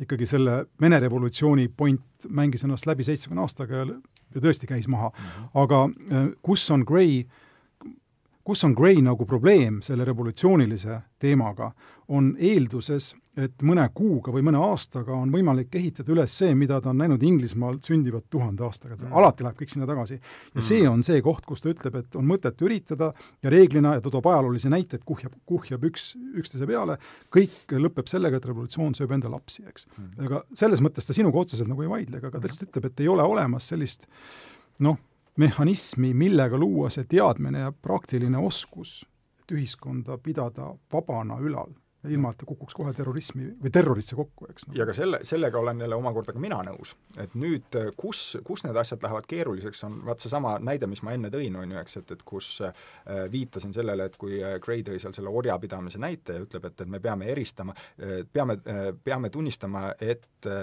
või arvestama, et et äh, sotsiaalne progress, ühiskondlik progress selles mõttes on võimalik, et me saame muuta ära ebaõiglaseid äh, ühiskondlikke suhteid või praktikaid ja liikuda nendest eemale, et, et seal on võim-, äh, noh, olemas vektor paranemise suunas, on ju, eks.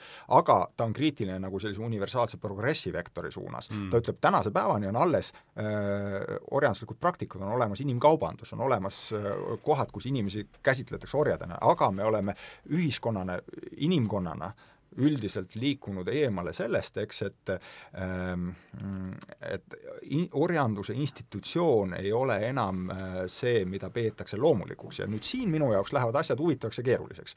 sellepärast, et ta, ta arvab, et kuidagi nagu äh, tundub mulle, et arvavat, et äh, kuni seitsmeteistkümnenda sajandini inimkond elas mingis kollektiivses illusioonis, et on loomulik see, et, et kõik inimesed ei ole vabad. et kõik inimesed, et üks inimene võib teis, teist omada kui vara ja see oli, see oli seisukoht, mida ma pakuks, et oli ikkagi suhteliselt valdav kuni kuskil seitsmeteistkümnenda sajandini vähemalt Äh, see, et arusaamine, et inimene on tegelikult nagu, tal on omandiõigus omaenda kehale ja olemusele, tuleb Hume'ist. et see on filosoofilises traditsioonis. et see on see, et kus see, kust see sellisel täna äratuntaval kujul pärineb. nüüd Aga ma tahan ma... sealt, ma, vot ma lõpetan selle mõttekäigu, ma juba kujutan ette, et mis su, mis su remark siin selle juures on. aga et ma tahan öelda, et see on suuresti, mina väidaks, tagantjärele tarkus see on see, mida me täna teame, et see, selline asi sai võimalikuks, see, et inimene on nagu indiviidina vaba äh,, on sattumuslik asi, see ei olnud kuidagi ette määratud, see ei olnud kuidagi selline asi, et, et mis, kuhu me vääramatult välja pidime jõudma. kui sa seda ütled, siis sa ise postuleerid telose. et siis sa ütled, et sul on mingisugune vektor, mingisugune teleoloogiline suhe selle suunda, et inimesed liiguvad nagu niisugune he heegellik kaar äh, suurema vabaduse suunas ma nüüd väik-, väikselt üritan Graylikku kriitikat mm. selle, selle mõtte aadressil, Gray ei salli suuri sõnu, Gray ei salli suuri printsiipe, Gray ei salli ka suuri mõtlejaid, ta armastab neid kokku võtta ühe lausega, Heidegger tegelikult mõtles seda, Hegel tegelikult seda, eks, nii edasi, aga mida ta selgelt sallib ja aeg-ajalt välja ei kirjuta, on seesama Briti või Inglise traditsioon, kust on siis pärit kõik need vabadused ja tsivilisatsioon, mida ta korduvalt mainib kui positiivset asja, mida ta tunneb, eks.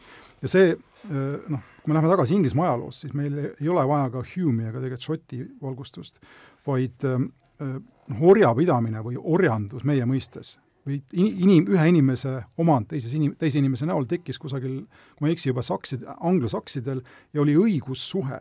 keegi andis ära mingi osa enda nii-öelda, ütleme aastaks või kaheks ennast see ei ole päris orjaks, selleks on mingi chattel on selle asja nimi inglise keeles, mingiks ajaks oli kohtulikult paika pandud ja tuli uuesti sealt välja, eks orja, orja, orjapidamist nagu Vene, ma ei tea, tsaaririigi päris orjanduse põhimõttel pole Suurbritannias kunagi olnud.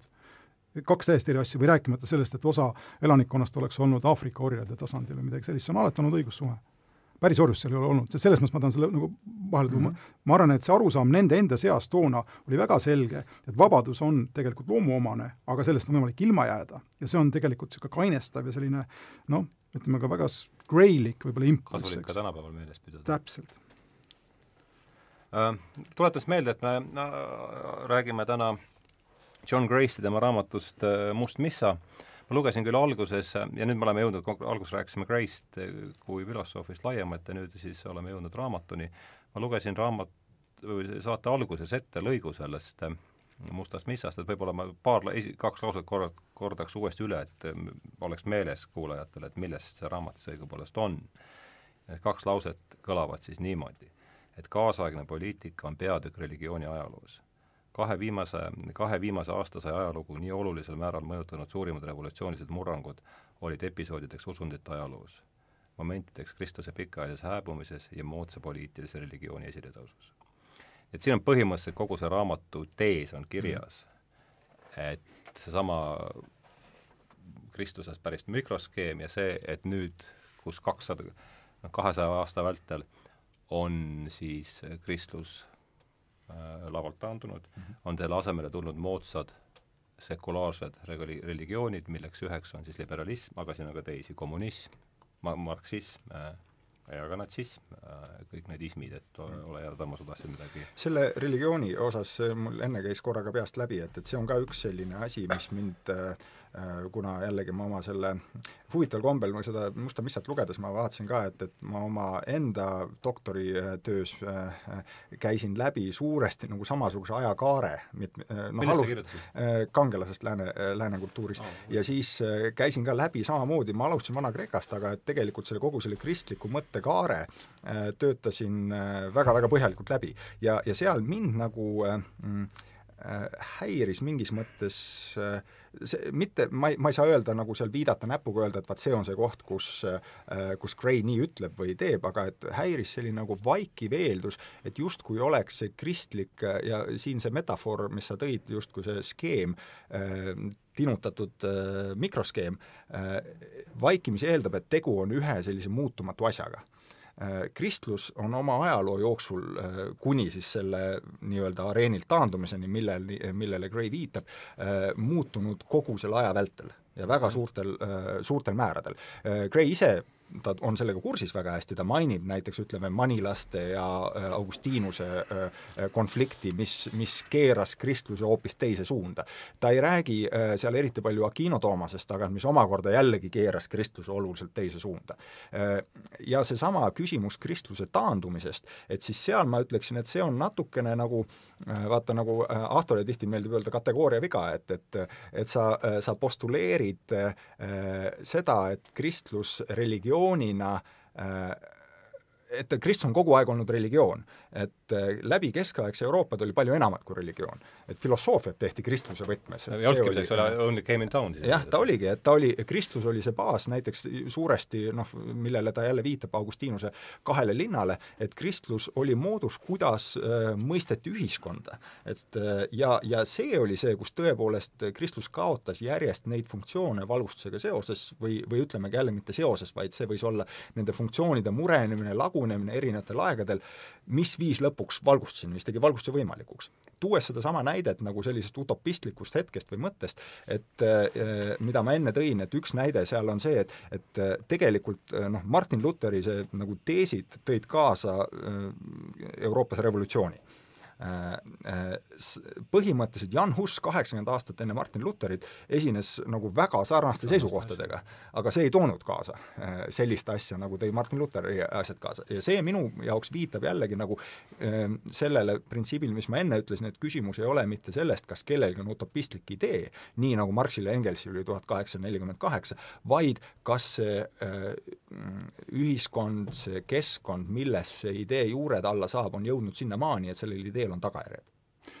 ma tahaks Gray'd natukene kaitsta ja juhtida tähelepanu sellele, et kui me loeme Musta Missat, aga ka te teisi tema tüvitekste, siis tema analüüs on üldiselt metafüüsilisem, kuigi ta ei salli metafüüsikat ja tema enda, mul on tunne mõnikord ka haare metafüüsikas on, ütleme pehmelt öeldes libisev, eks.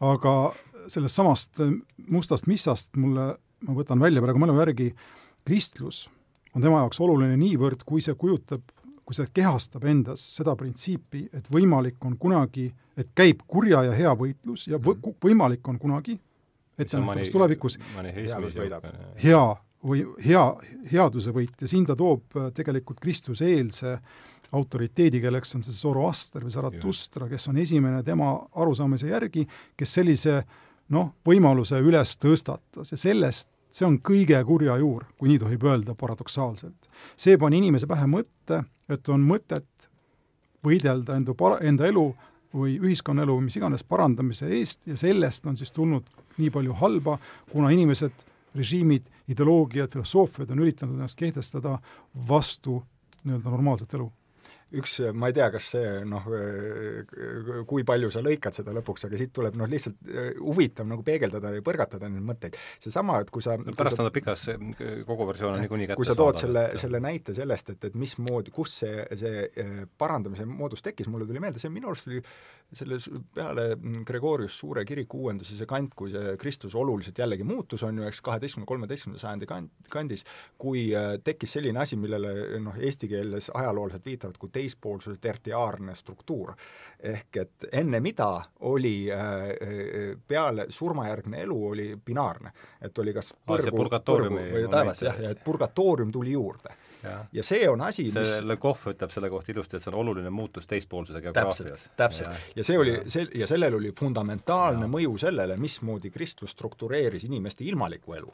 sest enne seda oli see, et, et definitsiooni järgselt, kui sa selleks, et pääseda aujärele isa kõrvale taevasse sinna, äh, sa pidid olema pühak.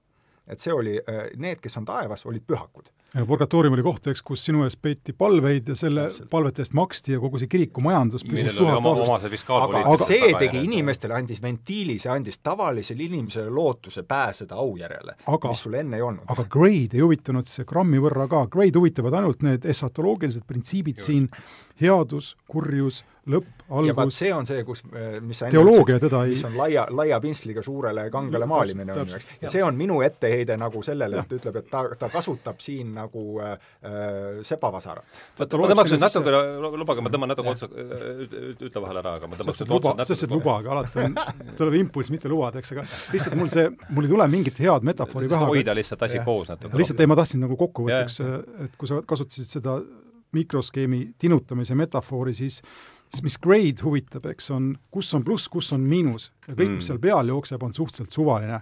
hea kuri, kas pluss saab kunagi miinuse võita, ei saa, järelikult kogu ajalugu on vaadeldav sellest perspektiivist, et kui sa üritad öelda, et miinus saab plussi võita, sa oled loll. see on nüüd väga vulgaarselt kokku võetud, aga see on tegelikult see, mis teete val-. Mm -hmm. nii, hästi, ma olen äh, Tarmoga sada protsenti nõus muidugi, et, et üks asi, mis äh, on tuhat või kaks tuhat aastat kestnud, on kestnud ainult tänu sellele saab kesta ainult selle, et ta on väga palju muutunud vahepeal, eks, aga nüüd on jällegi küsimus, et see, aga kuivõrd see on jällegi see, ikkagi seesama asi, me arvame, et ta on, noh, nimi on sama vähemasti, et siis peab olema mingi asi, mis on seal see sa küsid greilikult või sa küsid lihtsalt, et teha ei, ma, ma räägin laia, laia, laia, üldisemalt jah, et äh, Tarmo ütles, et, et Kristus on kahe tuhande aasta vältel oluliselt muutunud ja noh, ja vastasel juhul ei oleks teda alleski, kui ta poleks muutunud. aga et mis on seal see äh, mis on seal see essents ja, ja ma arvan, et seesama teleoloogia, millele mulle meeldis see, kuidas sa, Ahto, seda sõnastasid, et et äh, läbi Nietzsche siis, et Kristus on platonism massidele, et see, see mõte, et meil on võimalik sellest varjude riigis kusagil sinna, mis see siis on, idee valguse riiki. valguse riiki jõuda. et see on see usk, mis elab edasi kõikides nendes ismides, mis on pärast siis äh, kaasa, kaasa arvatud liberalismis. annab neile selle laengu. annab neile selle laengu, jah, emotsionaalse ja intellektuaalse, intellektuaalse laengu. hästi. aga siit on minu meie see sõna äh,, siin on päris palju huvitavaid sõnu läbi märkuse, kus saaks ka neid niidiotsi, mida sealt saaks sikutada, on palju, aga võtaks siit seletaks nüüd raadio, raadiokuulajatele lahti sellise äh, olulise võõrsõna äh, nagu esatoloogia. mis, mis too on? Gray ei maini seda kordagi. mainib küll. või paar korda. oi-oi, minu meelest on see ikkagi keskne mõiste seal ju lausa no,. ma olen siis ka sinu olen no eskatoloogia, see on jah, selline teoloogiline äh, ennekõike ilmselt siis äh, termin või printsiip, et mis räägib maailma lõpust, et, et see räägib sellest, et ühel hetkel teadus viimastest asjadest. jah, jah, et, et see on lõpuajad, lõpuaegadest. lõpuaegade kirja, teadus lõpuaegade just normatiivne ja positiivistlik pilt lõpuaegadest, aga ega sa vahele räägi? ei, ei, see, see, ta põhimõtteliselt ongi jah, et arusaam sellest, et, et maailm millalgi lõpeb, Gray seal räägib päris huvitavalt, toob välja äh, apokalüpsise äh, sõna nagu erinevad päri, päri äh,, tähendused ja, ja päritolu, et ta algselt ei tähendanud sugugi mingit äh, suurt äh, katastroofi või, või hävingut, vaid uueks saamist ilmutust on. ilmutust, no siis näit-, et sulle näidatakse, mis on tegelik, tegelikult tõsi, tõde. sina näed seda, seda siis, seda valguseriiki valgus tuleb. valgus tuleb ja näed üksikisikuna seda sealt varjude riigist midagi no kui see on niisugune sa mõtled mind praegu või? ei ja, ja see on jah siis, see on see printsiip, mida, mida Gray äh, omistab äh, noh, täpselt nagu sa, Ardo, ütlesid, et kristlusele olemuslikuna ja äh,, ja siis kannab sealt edasi, ütleb, et jah, et see on siis nii-öelda see nagu meetod, mismoodi äh, kaasaegne poliitika oota, ütle, ütle, ütle, mida sa arvad, et mina ütlesin, kas see, mul läks korraks, läks mõte läks äh, niimoodi äh, hajus ära, et ütle, võta paar lauset tagasi, et mida ma praegu just ütlesin, kuidas sa, kuidas sa seda tõlgendasid äh,? Et kas läbi te-, te-, teleoloogia või nüüd ei, mitte teleoloogia, eskatoloogia just, jah, eskatoloogia puhul, et, et see on see, mida, äh, mida omistab äh, Gray äh, kristlusele olemuslikuna, ütleb, kristlus on olemuslikult eskatoloogiline, et kui Jeesus ütleb, et minu riik, minu maa, riik ei ole siit maailmast, et see on, see on see, kuhu jõutakse peale lõpuaegu ja, ja et see omakorda siis sisaldab endas eeldust, et inim, inimkonna ajalool on selline murranguline hetk, peale mida saabub uus ja parem maailm, kus ei ole neid kannatusi ja, ja hädasid, mis meil on tänases maailmas. kas ma tohin siin ja, lihtsalt sekkuda äh, terminoloogiliselt?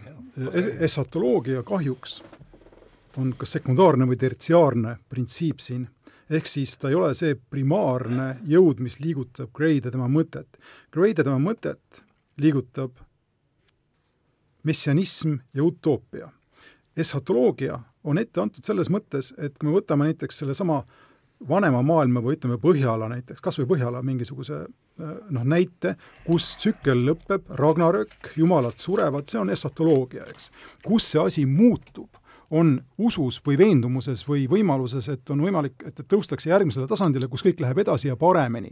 ja see on messianism, see on utoopia, millenarism, millenarism, kili-, kiliasm ja kõik muu sarnane. nii palju uusi sõnu, et me peame nüüd täpselt, äh, aga, aga, aga minu point on rohkem selles, et esatoloogia iseenesest ei ole kristlust negatiivselt Gray jaoks absoluutselt mõiste. ta, ta, ta on jah, viimaste asjade nii-öelda teadus või kunst, nagu sa ütled, aga see oluline, mida Gray ei salli, on utop-, täiesti nõus. utopism ja messianism. ei, täiesti nõus, me lihtsalt seletame mõisteid pigem, et mina saaks ma, nagu, vaadake, vaatame, kas me sellega oleme nüüd nõus. et Kristus defineeriv äh, see tunnus on see teleoloogia Me,. ei, messianism mm.. Me, messia tulemine on Kristus defineeriv. lunastus tuleb. jaa, no hästi, hästi, võtame siis niimoodi, aga ähm, nii, tuleme tagasi, kus me, kus me tundusime nõus olevat äh, kusjuures vaidleme praegu teoloogia ma just ütlesin, kolm hästi vaidleme. kolm teoloogia, seda võib olla päris naljakas kuulata, aga noh, nii ähm, et see, see, võtame sellest Nietzsche sellest äh, niidi otsas kinni, et kristlus on platonism massidele. järelikult meil on võimalik, me liigume punktist A punkti B ja punkt B on kõrgemal kui punkt A, sellega oled, oleme nõus. et see võimalus on olemas. et see võimalus me ei pruugi isegi liikuda. nii, ja nüüd eskatoloogia kirjeldab meile seda, milline see punkt on. ja need on erinevad siis, need on erinevad Kristuses, seal on see Kristuse tule, tulemine ja kõik, mis sellega kaasas käib, need on erinevad. natsismis on see eri, erinev, aaria, aaria rassi üleüldine õitseng on see natsismi see on Gray kõige nõrgem point üldse, siis see ja, ja aga ma, ma lihtsalt, ma las, las, las, las, ma loen selle ette ja siis äh, ei kritiseeri äh,. Natsismis on see siis aaria rassi üleüldine õitseng, on esatoloogiline lõppjaam äh,. marksismis teadagi mis, eks, töölisklassi üleüldine, üleüldine oot, oot, oot, las, kannata natuke ära, ma lõpetan lause. ja liberalismis siis see üleüldine äh, Äh, kapitalistlik maailmavabariik, aga nüüd lase tulla äh,. liberalism ei puutu kapitalismi üldse. mida? liberalism ei puutu kapitalismi vähemalt Gray tasandil üldse, see, mis on omandisuhe, see on suhteliselt sekundaarne tema jaoks praegu ähm,. Marksismis on klassivaba ühiskond või klassijärgne ühiskond, eks, klassid on see, mis on halb. äh,. Ja kolmandaks äh,, siin ma vahepeal üritasin öelda ähm,, nat-, natsismi kategoriseerimine Gray poolt kristluse üheks nii-öelda offshoot'iks või mis iganes siis päri, pärijaks, eks, on absurdne ja ta ise kirjutab sinna, kirjutab korduvalt, et natsismi kandis demonoloogia, mis oli paganlik enda suuresti, nii palju kui tal oli essaltoloogiat, nii et ausalt öeldes ta ise tunnistab minu arvates, et krist-, et kristlusega on siin suhteliselt vähe pistmist, ta oli kristluse vastane ideoloogia, ta oli küll jah, valgustusajastust loomulikult tõuke saanud, aga see on kõige nõrgem koht üldse Grace, ma arvan, et natsism on tal kristlusega kuidagi seotud, nagu marksism või liberalism, mis on ilmselgelt jätku ideoloogiad. Tarmo?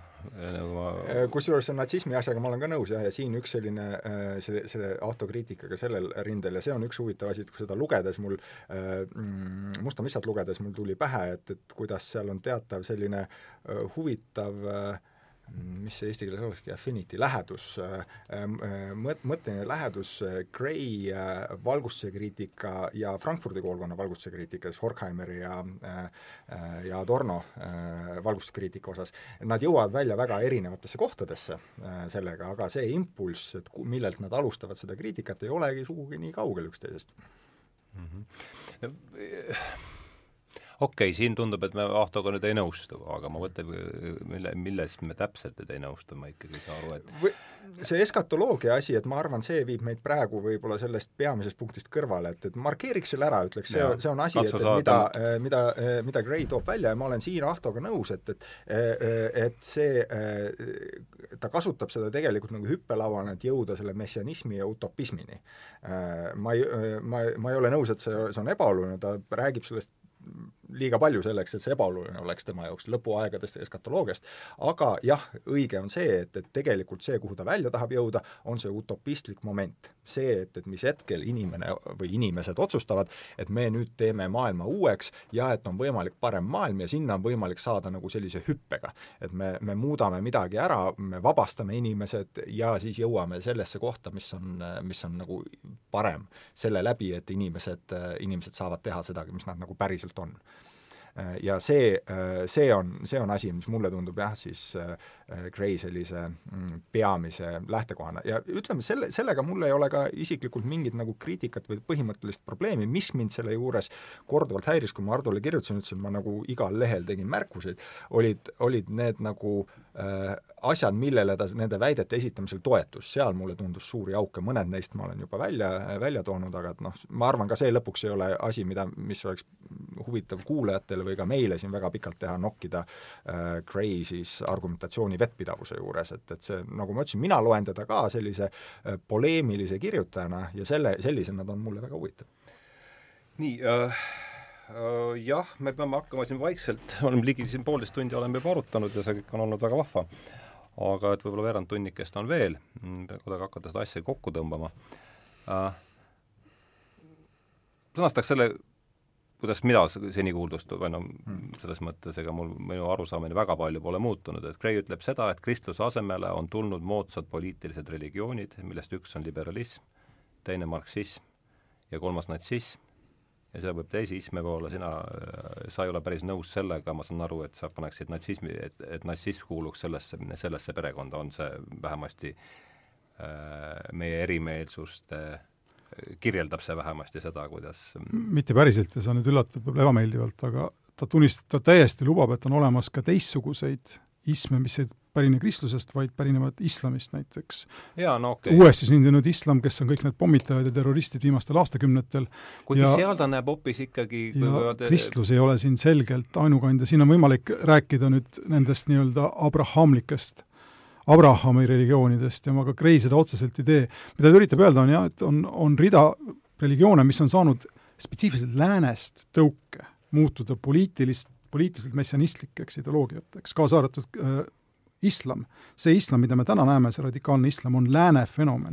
ta läheb tagasi sinna äh, Vene need anarhistlike pommipanijate vennaskonnani ja nii edasi, äh, aga point on läänes vähem kui kristluses, ärme, me jääme kinni esotoloogiasse, me ma saan, ma, mulle tundub, et me lähme nagu veits mööda sellest pointist. jaa, aga Kreelis. lähmegi siis viimase selle, võtame siis selle tänase viimase võõrsõna ette, millenarism, mis too on? no see on lihtsalt äh, kolme nulliga aastaarvu millegipärast mõju nagu täiskuul on tavalistel inimestel nii. aastatuhandendism, jah. see sõna kiliasm, mida ma kasutasin varem, on täpselt sama. ja see on sama sõna jah, aga, aga äh, paneme nüüd ikka natuke rohkem sellele, sellele struktuurile või sellele skeletile liha peale, et äh, no, sel-, selgelt on, äh, mille vastu nüüd see, mille vastu Gray kriitika on niisugune teravik on suunatud, on, ma usun, siin me nõustume sellega mõlemad, et on seesama millenarism. mille vastu ta siis ikkagi no et, et, et on mingi lõppaeg, millest me väga pikalt rääkisime siin, estratroogia või mitte, millele on leitud siis äh, kas kronoloogiline, astronoomiline või astroloogiline tähistus, mille, millenarism sõna otseses mõttes ütleb, eks, et tuhat on see, tuhat on see tähtis arv, tuhandeaastane riik ja tuhandeaastane rahuriik. et sinna on võimalik jõuda siis niisuguse tahet ja, ja ressursse mobiliseerides on võimalik sellest ei, aga ma, ma hästi maniakid, see on nagu ütleme niimoodi, et ut-, ütleme, messianistliku ideoloogia maniakaalne pool on see, kes tegeleb nende numbritega ja üritab mingi numbri külge aheldada midagi, mis on sinna aheldamatu no, nagunii, eks. nojah, seal läheb, seal on igas, iga, igal pool on niisugust sõgedamat ja vähe, vähe sõgedamat publikut, aga aga ütleme siis niimoodi, et ma, ma, ma sõnastaks ise väite ja et oleks võib-olla lihtsam mm. sellest nagu seda, seda kritiseerida, et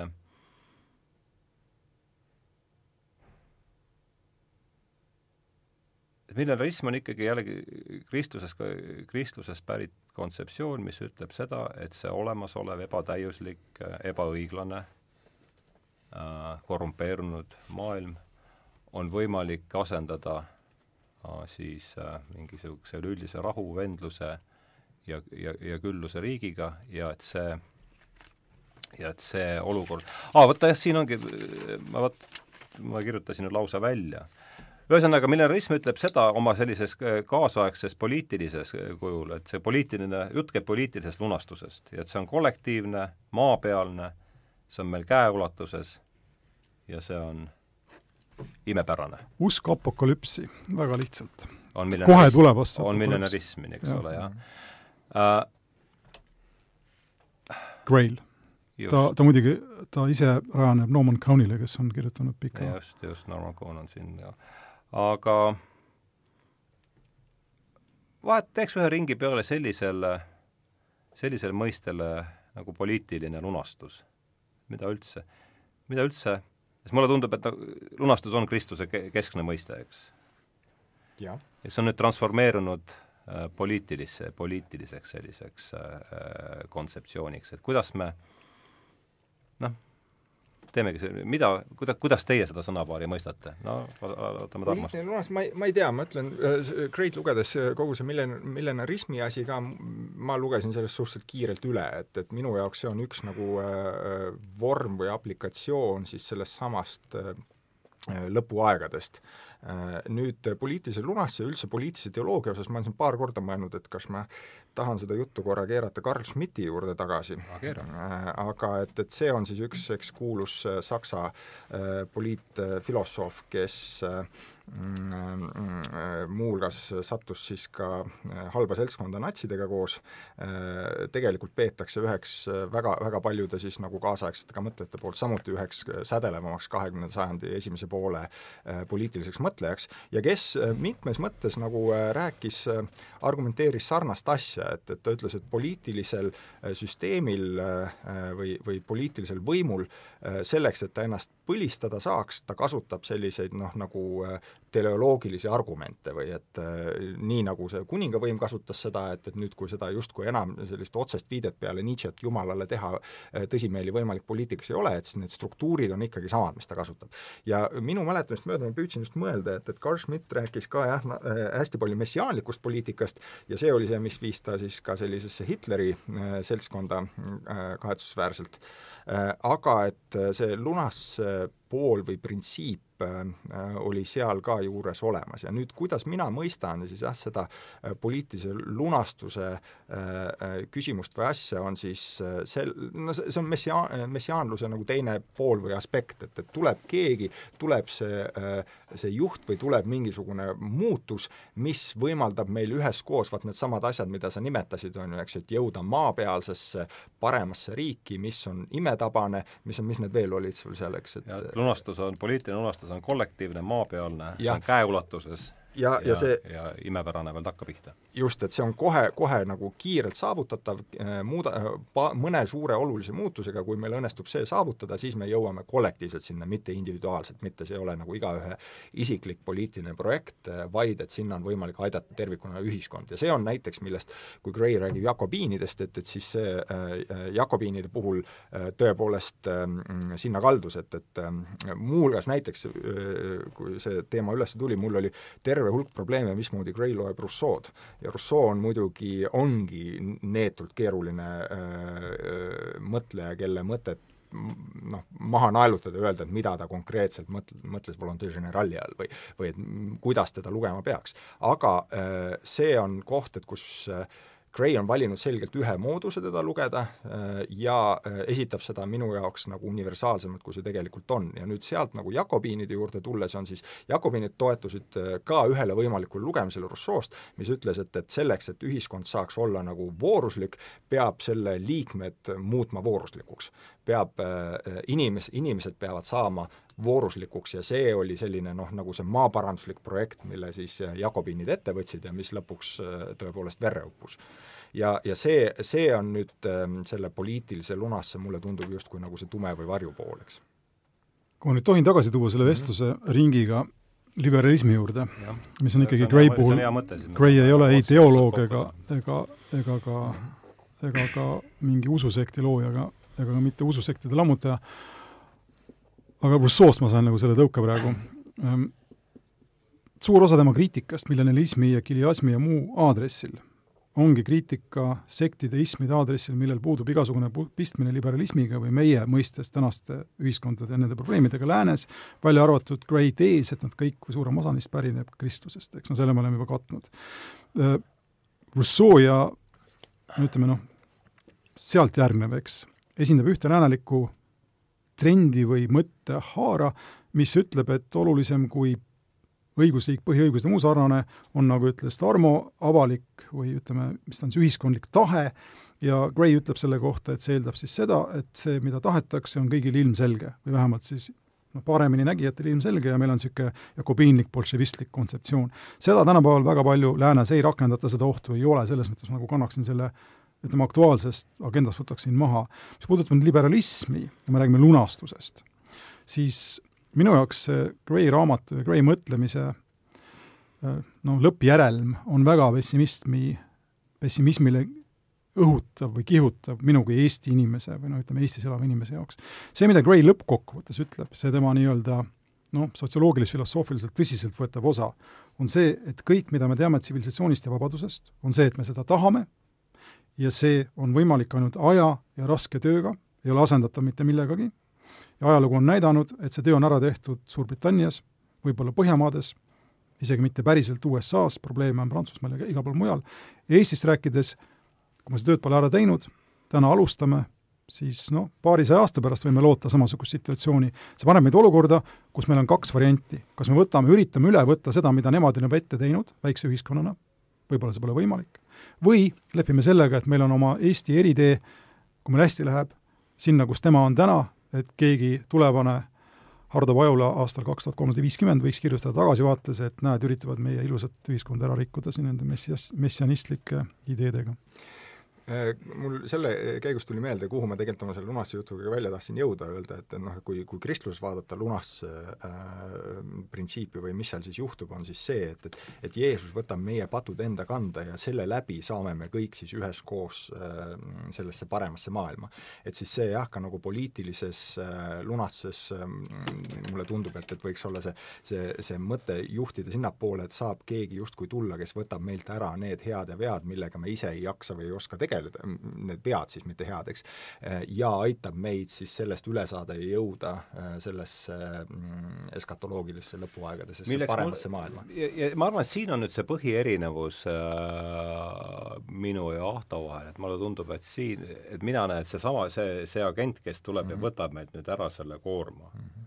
et selleks on sealsamas läänes üha rohkem ja rohkem valitsus, kes võtab ära meilt selle ja seda me äh, mis see erinevus on põhimõtteliselt on see õige, aga küsimus on ju selles, et vabadus mulle tundub, et sa ei näe nagu seal ohtu, et seesama, see, seesama irratsionaalne, äh, et seesama irratsionaalne tahe, et keegi tuleks, võtaks meilt ära selle olemise koorma, äh, et seda, et see transformee-, järjest rohkem usutakse minu arvates, et selleks saab olema, saab olla, saab olema valitsus ma ei näe, kuidas sa viimase aja esseedes Gray, vist kõige viimases ta käsitles seda ülikoolide saagat ja sinna me, jumala õnn, me ei, ei ole aega minna Jordan B. Petersoni ja muu sarnase juurde, eks, mis toimub lääne ülikoolides, ta oli väga kriitiline, aga lõppkokkuvõttes, mida ta ütleb, on see, et vabadus on jah, seal selleks, või ütleme, üks võimalus on, et vabadus hävitatakse.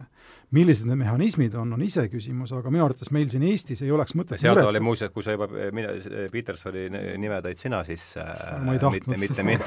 Mitte, mitte mina, aga seal ta oli väga sarnane muuseas sellega, mida Peterson on rääkinud. Peterson, Petersonil puud, puudub isegi kümme protsenti grey, ütleme sellisest no, poliitilis-filosoofilisest taustast, aga ma ei tea, ma tahan nüüd me hakkame juba jõudma selliste sellest teeme järgmises klaasid, klaasid hakkavad lendama. aga ma tahtsin lihtsalt enda nagu mõtte lõpetada ära Äh, võib-olla ka siis äh, on kokkuvõtlikult, eks, siin Eestis meil ei maksa vikaarselt muretseda selle pärast, mis saab neil seal läänes.